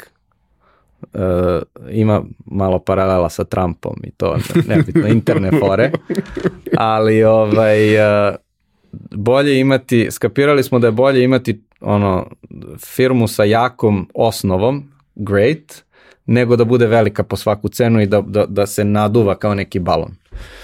I onda sad, da, pali su nam prihodi potpuno, zaustavilo se sve ovaj, uh, kad je krenula pandemija. Uh, imali smo tu sreću da se već nakon par meseci oporavilo zato što se radilo o aktivnosti koja se radi na polju i uh, to je jedna od prvih stvari i prvih vidova turizma koji, znači turizam u prirodi koji se otvorio opet. I nema velikih grupa. Nema velikih i... grupa, sve i svašta nešto što je što smo imali malo sreće da smo imali izuzetno brzo poravak nakon nekoliko meseci već i mi smo zapravo imali rast u 2020. godini. Ne neki epohalan, ali smo imali pozitivan rast uh, između 2019. i 2020. Um, kada, kada smo se oporavili od tog šoka, Uh, i, i moram da kažem, ono, super stvar je da smo dosta firmi u, u, u industriji putovanja i, i to, to je digitalna travel industrija je morala da otpušta ogroman broj uh, uh, zaposlenih. Airbnb Booking su otpustili po 25% ljudi, primjera radi. A to su jako stabilne I velike kompanije. Morali su da dižu kredite od nekih uh, fondova, svašta nešto su morali da rade. Da bi preživeli, jer nisu znali koliko će da traje ovo sve. I za de, deo njihovih biznisa je trajalo i traje i dalje u nekom obimu. Da. Jer prosto i dalje deo stvari kao event industrija i dalje nije na onom mestu gde je bila. Tako Hoteli je. i dalje nisu ni tek blizu se, tek se oporavlja polako. E, i, I u suštini mi, mi smo prošli kroz to, nismo, nismo nikoga otpuštali. I to je ono jako dobro uticalo na kulturu firme da, da vide jednostavno ljudi da ono nećemo na prvu loptu čak i kad smo u stisci velikoj nećemo da, da, da ono da uzmemo da se rešimo četvrt ljudi. Ovaj jesmo zamrzli smo poslovanje, jedno 8-9 meseci nismo nikog novog zaposlili. Ovaj ali smo uspeli da da izguramo to bez ikakvih ovaj uh, otpuštanja bez ikoga. Svi su imali um, povećala se sigurnost ljudi u, u, u kompaniju i koliko je kompaniji stalo do njih zapravo. Uh, I onda došao je taj oporavak postepeni od korone i vratili smo se u mod rasta. I 2021. je bila ono ludilo što se tiče rasta, ali smo i dalje zadržali tu neću ja da kažem mudrost, ali svest da stvari mogu da se preokrenu jako brzo. Uveli smo to da čuvamo, da, da pratimo koliko meseci, odnosno godina, možemo da poslujemo ako bismo isključili prihode sutra. I to smo uveli kao metriku koja se prati, koja se komunicira e, redovno na, na timskim sastancima u svakom finansijskom izveštaju, tako da ljudi znaju da ako dođe korona 2.0, um, koja bi izazvala katastrofalni pad prihoda i, i, i toga, da znaju jednostavno da firma ono, im drži leđa i da će biti sve ok i da ćemo izaći iz toga. Ono što bih isto volao da, da kažeš uh, kako je izgledalo iz, iz vašeg ugla je, korona je, ok, donela nam je to da smo prvo svi shvatili u ovoj generaciji da to može da se desi. Što je nešto što naša, mislim naša generacija videla svašta, ali ovaj, nismo imali takvu vrstu uh, zdravstvene e, krize kao što je bila ta. Ono, kad pričaš sa, ne znam, ajde, u našem slučaju čak ni ono, dede, babe ne pokrivaju to, ali oni koji su imali prilike da, naši roditelji kada su pričali sa svojim babama i dedama, oni su imali nekoliko takvih stvari koje su dokazali, bilo, doga, događale, bilo i ono, 60-ih, 70-ih nekih manjih ovaj, kriza, ali nije, nije to bilo na ovakvom nivou. S jedne strane, dakle, imaš taj moment da ok, ovo može da se desi. I sama ideja da može da se desi ono, razmišljanje o tome je prilično traumatično. Ono što se isto desilo, sa, na nekim mestima je to bilo jako dobro, na nekima je bilo užasno loše, ovaj, je da su uh, neki, neki ljudi su se prilagodili, opstali, porasli, neki su iskoristili to kao bukvalno ono, katapult da, da, da im biznisi procvetaju. Ali mno, ono što je najvažnije, mnogi ljudi su shvatili da stvari mogu da se radi na drugačiji način od onoga na koji su navikli. Ja sam shvatio da je se desila magija onog trenutka kad su ljudi u poreskoj upravi shvatili da ne moraš fizički da odeš tamo. Jer sad ne možeš, a to mora da se desi, i onda odjednom ne mora ništa. Ne mora da se dođe fizički, nego može i da se pošalje, može i da se na neki drugi način dokaže identitet, kako god.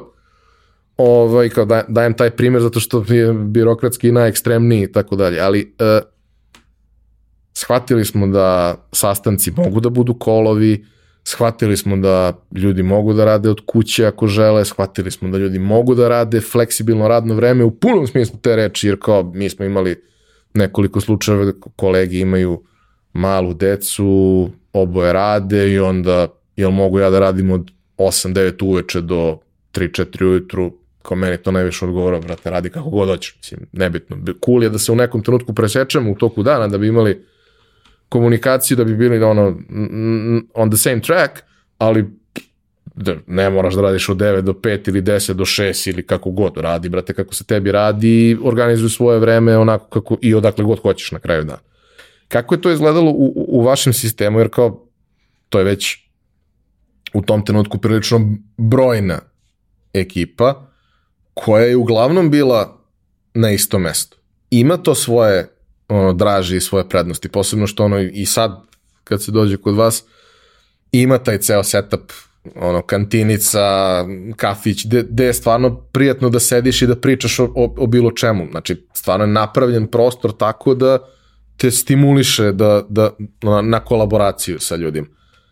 I odjednom se to ukida i prestaje da bude moguće i u suštini kao, znaš da ćeš se, stvari se lagano vraćaju u, u, u normalu, ali na, ne znam, 80-90 ljudi sigurno postoji značajan broj njih koji se ipak malo više plaše, koji ne žele da dođu, imaju strah i zbog porodice i zbog ono, raznih stvari sve to negde postane razumljivo, ali menja način na koji se funkcioniše, na koji se radi. Kako je to bilo kod vas? Da. Uh, mi smo mislili, da, bili smo, svi smo radili iz kanca, uh, uz izuzetke, ono, odeš na odmor, pa kao produžiš odmor i radiš malo od nekud. Bilo je okej okay da se uzme remote work, ono, par nedelja, mes dana godišnje, to je uvek bilo u redu. Uh, I sad dešava se, kreće pandemija i, i sećam se tačno objave na nivou firme, e, ovo će da se završi za, za par nedelja, ajde kao mi ćemo da radimo od kuće sledeće nedelje. Tako je krenulo. Kao, e, niko ne može da dođe u kancelariju, radimo svi od kuće sledeće nedelje, to će da bude gotovo za, za dve nedelje. Naravno, nema veze sa životom. A, pretvorilo se u to da je većina ljudi potpuno remote radilo pa dobar deo godine i postepeno su se vraćali, nisu se svi vratili, mi smo postali iz ono office based kompanije u office optional kompaniju. Znači može Hibrid. da se hibridna kompanija. Znači nije ni nije ni remote full, a nije ni ono moraš da uvek smo imali ono klizno radno vreme, nije to bilo nikad Dobro, i pokrivate da. tržišta koje su Pokrivamo različite tržišta, nikad nismo imali kao radno vreme, ali uh, ali se očekivalo da se ljudi pojave u, u kancelariji.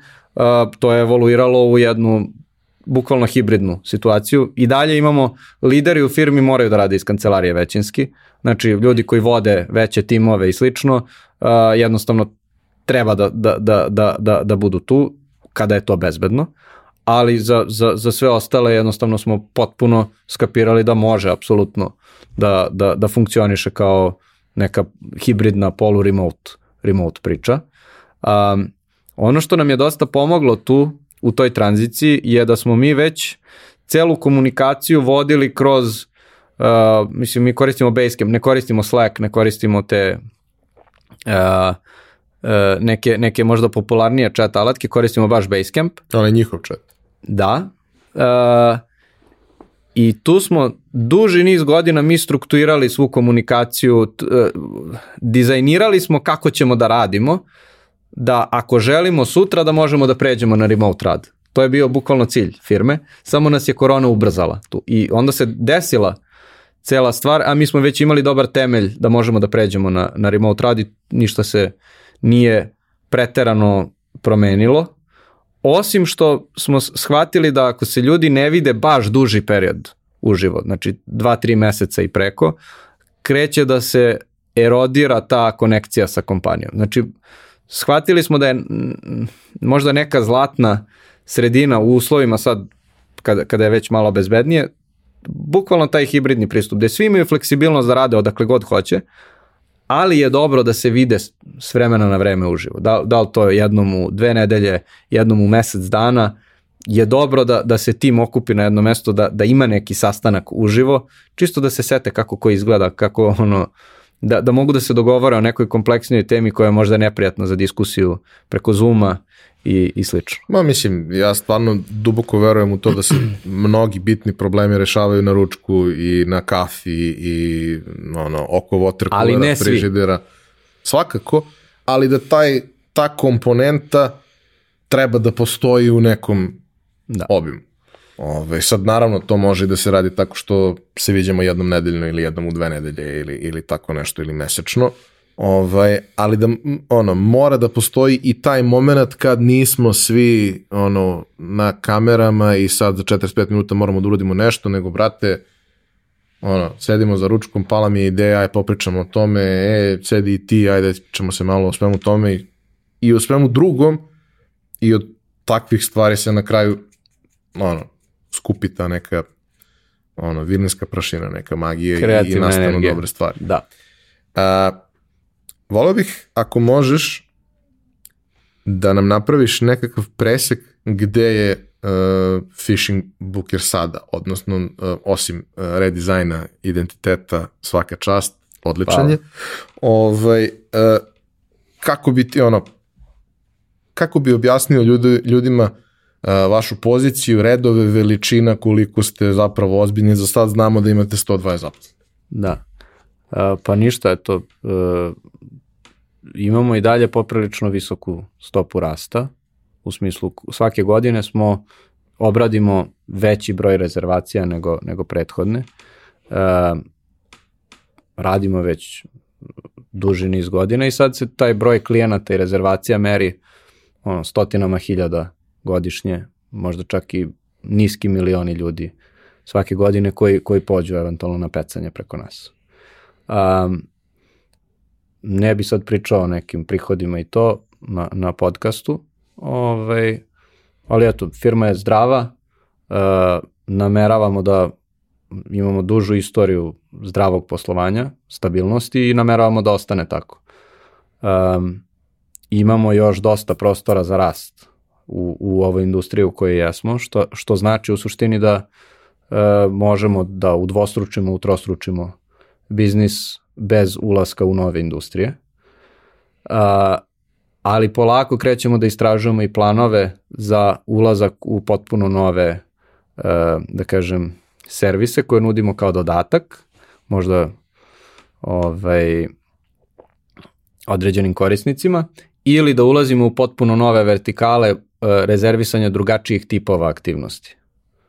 I tu, eto, možda, možda ćemo se naći u neko doba sledeće godine da, da pričamo baš o tome. A, kaži mi, kako je danas organizovana firma? E, firma je organizovana pa poprilično, sad, što se tiče tih departmana, timova i to poprilično e, tradicionalno. Znači imaš i sad tradicionalno za high-tech kompaniju. Dobro, ali mislim, A- ajde da krenemo od toga. Da. Ima 120 ljudi, koliko od tih ljudi su ljudi koji rade tehnologiju? E, oko, oko 60 ljudi, 55-60 ljudi se bavi razvojem proizvoda na ovaj ili onaj način. To su znači e, product menadžeri, dizajneri, inženjeri, e, QA-evi, e, data scientisti, to, to su da kažem te role vezane za, za razvoj samog proizvoda i imaš uh, biznis deo firme koji je tako, znači oko, oko 50% firme se bavi razvojem proizvoda i 50% firme se bavi svim uh, servisima vezanim za poslovanje. Sad to je uh, podrška, to je prodaja, znači ekspanzija na nova tržišta, do, do, regrutovanje kapetana, jel? Um, zatim legalni departman, HR, financije, marketing, uh, Content koji... content, product marketing, svašta nešto uh, i, i, i timovi bez kojih bi u suštini bili samo prazna platforma bez korisnika. Um, mi imamo ono 24 sata uh, podršku, uh, posećujemo tržišta na kojima poslujemo, što znači imamo account menadžere koji putuju, ne znam, u Miami, u, u ovaj, uh, u, u San Diego, San Francisco, na, na druga tržišta u Meksiko, ovamo, namo, da, da, da razvijaju dublje odnose sa postojećim partnerima. Imamo pravnike koji proveravaju da li je uh, prilikom prijave ovih kapetana, da li imaju sve dozvole da rade ovaj, uh, ribolovačke ture, sad pomnoži to sa 100 plus zemalja i preko 2000 destinacija u kojima poslujemo. To je jedan jako kompleksan uh, uh, operativno problem za rešiti. I, Ali recimo i jedna stvar koja meni tu onako deluje kao, kao veliki challenge je kao, ok, jasno mi je da, da ti treba legal koji je ozbiljan, ali kako nalaziš ljude koji, ra, koji ono, su osposobljeni, odnosno osposobe se ili osposobiti ih da rade na tržištima sa kojima nikad nisu imali dodirnih tačaka. Taj pravnik zna naš pravni ekosistem pod uslovom da je dobar pravnik zna naš ekosistem. A ovde pričamo o 100 zemalja o kojima treba da razumeš kako te stvari funkcionišu na jezicima koje ne pričaš. Da, treba bude pametan, pametna, e, otvorenog uma, e, dosta sposobna osoba i, i treba je dati vreme da se uhoda u ulogu. Znači, mi smo u jednoj industriji gde ne postoje domenski eksperti na lokalnom tržištu. Sad ti nađeš dizajnera koji se razume u ribolov. Ima ih, igrom slučaja znam ima da ih ih ima. koji vole, ali... Ima ih koji vole ribolov, ali da, da su radili, na, na primjer u konkurentskoj firmi, to ne postoji. I onda smo mi još odavno shvatili da moramo da e, budemo ok sa time da polako obučavamo ljude za ključne role. Znači, zaposlimo nekoga ko nema veze s vezom sa industrijom sportskog ribolova ili sa travel industrijom i onda jednostavno malo po malo e, kroz mentorstvo, kroz pristup resursima, kroz slanje na neka tržišta ključna, kroz slanje firme cele na pecanje da iskusi to što prodaje, uh, polako upoznaje i, i kroz obezbeđivanje da nismo protočni bojler, nego ljudi ostaju po 5-6 godina u firmi, uh, se ljudi polako uhodavaju i upoznaju sa tom industrijom dovoljno da mogu da budu eksperti na temu. I onda se upoznaju, onda znaju sve što treba. I nastave da iterativno grade. I ono, potrebno je vreme i firma koja će da razume i sistem koji će da razume to i da poštuje. Da, pa niko, niko kod nas ne može da, ono, da, što se kaže, da, da pokida od, od dana jedan. To se ne dešava.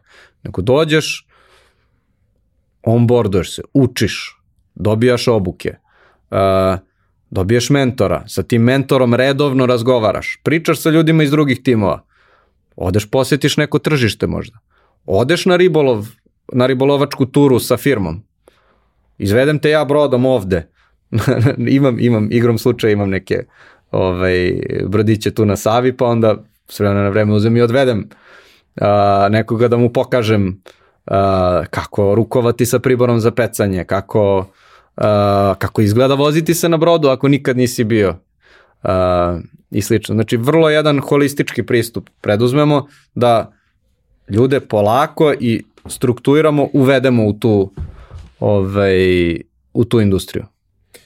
Sad morali smo s tim pecanjem da pravimo i putovanjima da pravimo pauzu zbog korone, ali evo ove godine ćemo da se vratimo na kolosek. Pomenuo si da po, po vašim procenama i analizama postoji prostor za još značajnu količinu rasta. I naravno, taj rast će doći vremenom. Nije to sad nešto što će da se desi za tri meseca i udarit ćete u plato. Ne, deluje kao da barem još nekoliko godina ima prostora za neki veliki rast. Da bi se to desilo, potrebno je da se dodatno širi i ojačava firma kada pričamo sa, sa ono, ljudima za koje verujemo da imaju zaista veliki potencijal i mogu da budu sjajni zaposleni i sjajni lideri i možda i partneri u nekom trenutku. Uh, naravno u onim nekim prvim godinama vrlo često ono traumirani životom ovde uh, samo gledaju jednu stvar, a to je novac koji, koji mogu da dobiju i to imamo outsourcing industriju koja se takmiči isključivo platama, obično to što nude kao mogućnost za, za, za rad nije pretarano zanimljivo. Može da bude super kao nekakav uh, bootcamp, da za godinu, dve probaš gomilu različitih stvari i uradiš gomilu različitih stvari, ali u principu vrlo brzo dođe do zasićenja i ti ljudi najčešće ne vide sebe u tome dugoročno ti si napravio firmu u kojoj ljudi sebe vide dugoročno. Prvo ti sebe vidiš u toj firmi za ceo život, odnosno za taj neki profesionalni deo ovaj, tvoje karijere, a zatim i većina ljudi koji su tu, su tu prilično dugo. Naravno, ne ovi koji su došli poslednji i kako je firma rasla, ali uvek je dobar indikator ono, atmosfere, zdravlja, kolektiva, to što najbolji ljudi ostaju, a ako odlaze, odlaze na mesta koja su wow, jer kao, znaš, ne možeš da odbiješ nekom kome je bio san da ode negde da radi na nekoj dobroj poziciji u nekoj od ono firmi koje su glavni na ovom našem igralištu, kao ne, mislim, možeš ti da probaš da mečuješ, ali on je hteo da radi u Disneylandu i ne radi se u možeš, Disneylandu. ne možeš ni da probaš, to je ne, neki ove, iznosi koje sam ja video Da, dobro, naročito za one koji rade relokaciju i, Da. i idu Neverovatno. neko tržišta. Ove, ali, uh, hoću da mi kažeš za, za sam kraj to, kakve ljude tražite u narednom periodu? Koga, bi, koga vidite kao osobu ili osobe koje su vam uh, u narednom periodu potrebne? Ne mislim na pozicije, mislim na uh, mindset, mislim na, na, na kulturu pozicije dođu na osnovu jeli, ono, želje i interesovanja. Da, e, pa najpre ono što mi tražimo su, su ljude koji hoće da razmišljaju dugoročno i posmatraju svoju karijeru kao jedan dugoročni razvoj i investicija i u sebe i, i u firmu u kojoj si i da, da je to jedan ono obostrano koristan i prisan odnos. I takve ljude tražimo. Znači ljude koji žele da se usavršavaju, da rade na, na, na da, da umeju da preduzmu odgovornost nad problemom uh, na, na nekom širem nivou u smislu, e, ok, ja ću da sad treba da, da smislim kako da prodajem ovu čašu i ja sam prodavac čaše, pa neću da ograničim svoj posao samo da idem na od jednog do drugog mesta i da kažem da li hoćeš da kupiš čašu, nego umeju da, i da razmišljaju, a ok, možda ova čaša nije dobro upakovana. Ajde da pričam sa osobom koja pakuje ove čaše, isto u firmi, pa da vidim kako možemo bolje da ih upakujemo tako da ja kad ih odnesem da one budu atraktivnije. Znači ume da razmišlja široko I nema problema da komunicira. i nema problem da komunicira, ume da komunicira i ok je sa time da e, ne sluša instrukcije nužno. Znači kaže ti nadređen je, uradi ovo, e, mi volimo ljude koji kažu, e, ok, a zašto baš ovo? Jer ja imam ideju koja možda može, na, na, bolji način možemo ovo da uradimo ako samo promenimo ovu neku stavku. Znači, nekoga ko je spreman da, da preispita e, procese, stvari, da e, razmišlja zaista o, o, o, o problemu i da se unese u, u, i, i u svoj napredak i u napredak firme. A mi smo tu da podržimo to i sa strane uh, vetar u leđa i sa strane resursa u smislu evo ti obuka, evo ti uh, talentovan tim da realizujete uh, svoje ciljeve i evo ti naravno atraktivan paket da se ti osjećaš dobro vezano za posao koji radiš, za to vreme koje investiraš. Znači ne osjećaš se kao da te neko ili potplaćuje zato što radiš nezanimljiv posao, niti se osjećaš kao da uh, da nisi fair kompenzovan za, za to vreme i trud koje investiraš. I onda takve ljude tražimo, koji, koji, umeju, koji umeju da sklope odnos jedan poverenja sa firmom i, i jednu dugoročnu saradnju. A mi smo tu da budemo transparentni, da damo vetar u leđa i da postavimo visoku lestvicu za kvalitet. E, taj deo oko transparentnosti uh, mislim da je, da, je, da je vrlo važan zato što generalno uh, način na koji se firme vode ovde nije baš uvek uh, takav. I ovde vrlo često imaš te situacije koje su mene, meni užasne, ovaj, uh, a znam lično dosta slučajeva i pričao sam sa nekim ljudima i koji vode te timove i tako dalje, gde kao, ok, kao, uh, doveli smo ljude i sad imamo, ne znam, pet ljudi na istoj poziciji, nijedan od njih ista pozicija, isti nivo znanja i sve ostalo i nijedan nema istu platu i plata, se, plata varira dva i puta između njih. Zato što je jedna osoba skromna i ne, a druga osoba je ono vrlo ceni svoje vreme i sve ostalo i firma koja je u fazonu ne sme da se priča o tome, ne sme ništa da se nigde kaže, niko ne sme da zna te stvari i I računa neće Kada niko dođe- da priča o I tome. neće niko da priča i kada dođe osoba koja je nezadovoljna, ono kao, uh, a zna da ljudi imaju duplovi veću platu za istu stvar, oni se onda natežu kao, a do sad ti je bilo dobro, a kao sad ti odjednom nije dobro. Kao taj moment gde za, za gomilu nekih uh, stranih tehnoloških firmi na koje možemo da se ugledamo, ovaj, gde kao imaš na ono, Dropboxu imaš tabelu sa svim platama, na ono, evaluacije su nešto što se, da kažemo, sa svima deli u nekom obimu, naravno ne dubinski, ali neke stvari, planovi, ono, priča se o tome svemu. A, kako ste vi taj deo priče postavili, odnosno na koji način se bavite time da a, ljudi tačno znaju gde su, zašto su tu, a, tačno znaju šta su mogućnosti za neki naredni period i ono kako usklađujete i njihove želje i planove i sve i kako komunicirate te teme koje ovde nisu baš uh, često nešto o čemu se priča otvoreno. Da.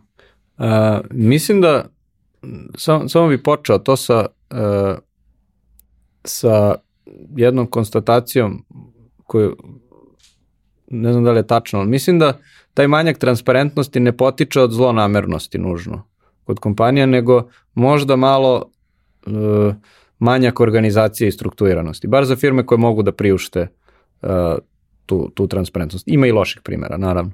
Ali evo, naše, mi smo imali put do potpune transparentnosti koji je trajao godinama. E, I šta zahteva da možeš da budeš skroz transparentan sa ciljevima, financijama, a, platama, e, strukturom napretka, karijernim putevima i to, pa ti moraš da imaš plan za sve to. Znači moraš da, e, moraš da imaš definisano šta znači koja rola i šta znači šta, koje kriterijume ispunjava osoba na svakom nivou senioriteta te role. Ne znam, imaš software inženjera, kako se razlikuje junior od mediora, kako se razlikuje medior od seniora, kako se razlikuje senior od lida i, i principal. Svaki od tih, da kažemo, nivoa imaju svoje neke definišuće stavke koje, ako je lider ili menadžer dobro obučen, on ume, i, a, a struktura je napravljena u firmi, on ume da proceni na kom je nivou osoba. I postoji jasan način na koji se određuje napredak. E, kad, kad imaš to, a, ti onda možeš da uradiš istraživanje na tržištu i da kažeš, ok, evo moja najbolja procena a, platnih razreda za svaki od ovih nivoa, a, senioriteta, iskustva, rola i slično, tako da se ti pozicioniraš u, ne znam, top 10% IT posledavaca u, u Srbiji. To je, to je naš neki cilj, da budemo uvek u top 10% uh, poslodavaca u Srbiji po pitanju uh, kompenzacije i slično. Uslova, da. da. A pritom ljudi A da budeš rade, transparentan. a, a i ljudi ne rade sranje. I, i sad to je onako, ti podižeš time i lestvicu za, za celokupnu industriju da, ok, kažeš, e, evo, uradili smo istraživanje, mi mislimo da je ovo top 10%, ako hoćeš da budeš u top 10%, trebalo bi da, da, se, da se mečuješ s ovim. Uh, ali to, to na stranu. Znači, potrebno je da prvo imaš šta znači koja rola na kom nivou, potrebno je da uradiš istraživanje šta znači konkurentno platiti za, za svaki nivo senioriteta, a onda moraš i da obučiš tim lidere, menadžere da umeju da procenjuju to. I tek onda je zapravo bezbedno da ti uvedeš tu transparentnost i da se znaju pravila igre na, na nivou firme. I onda to znači imaš karijerni put. Onda možeš da, da očekuješ da će ti praktikant ili junior inženjer doći u firmu i da će biti ok sa time da gradi karijeru 3, 4, 5 godina, zato što zna koji ga put vodi do toga da je senior. A ovako nemaš, upravo to što si rekao, neko ima uh, x primanja, a neko ima 2,5x i ne zna kako da dođe od x do 2,5x. Možda postoji dobar razlog za to. Možda je neko, možda je jedan na nivou junior, a drugi je na nivou senior, samo ne znaju to. A nekad Jer nije je samo- samo stvar pregovora. A ali, nekad je i stvar pregovora. Ali vrlo često i ljudi ne razumeju, e, da. odnosno misle da su bolji od nekoga zato što ne razumeju šta, se, šta sve radi ta osoba. Upravo. I, I ono što je super kad uvedeš transparentnost u firmi je da e, to ne trpi pregovore jer svi u timu znaju ko je šta ispregovarao i onda kao ok, zašto jednostavno se eliminiše taj aspekt politike zato što svi znaju na kom je neko nivo ako, ako rade tri dana s njim. Um, tako da taj, taj deo nestane uh, i, i poveća se neko poverenje. E sad, gde je začkoljica tu? Uh, mi smo prvo uveli tu transparentnost za role za koje imamo e, e, veći broj ljudi. Najlakše je uvesti transparentnost za role gde imaš 10, 20, 30 ljudi.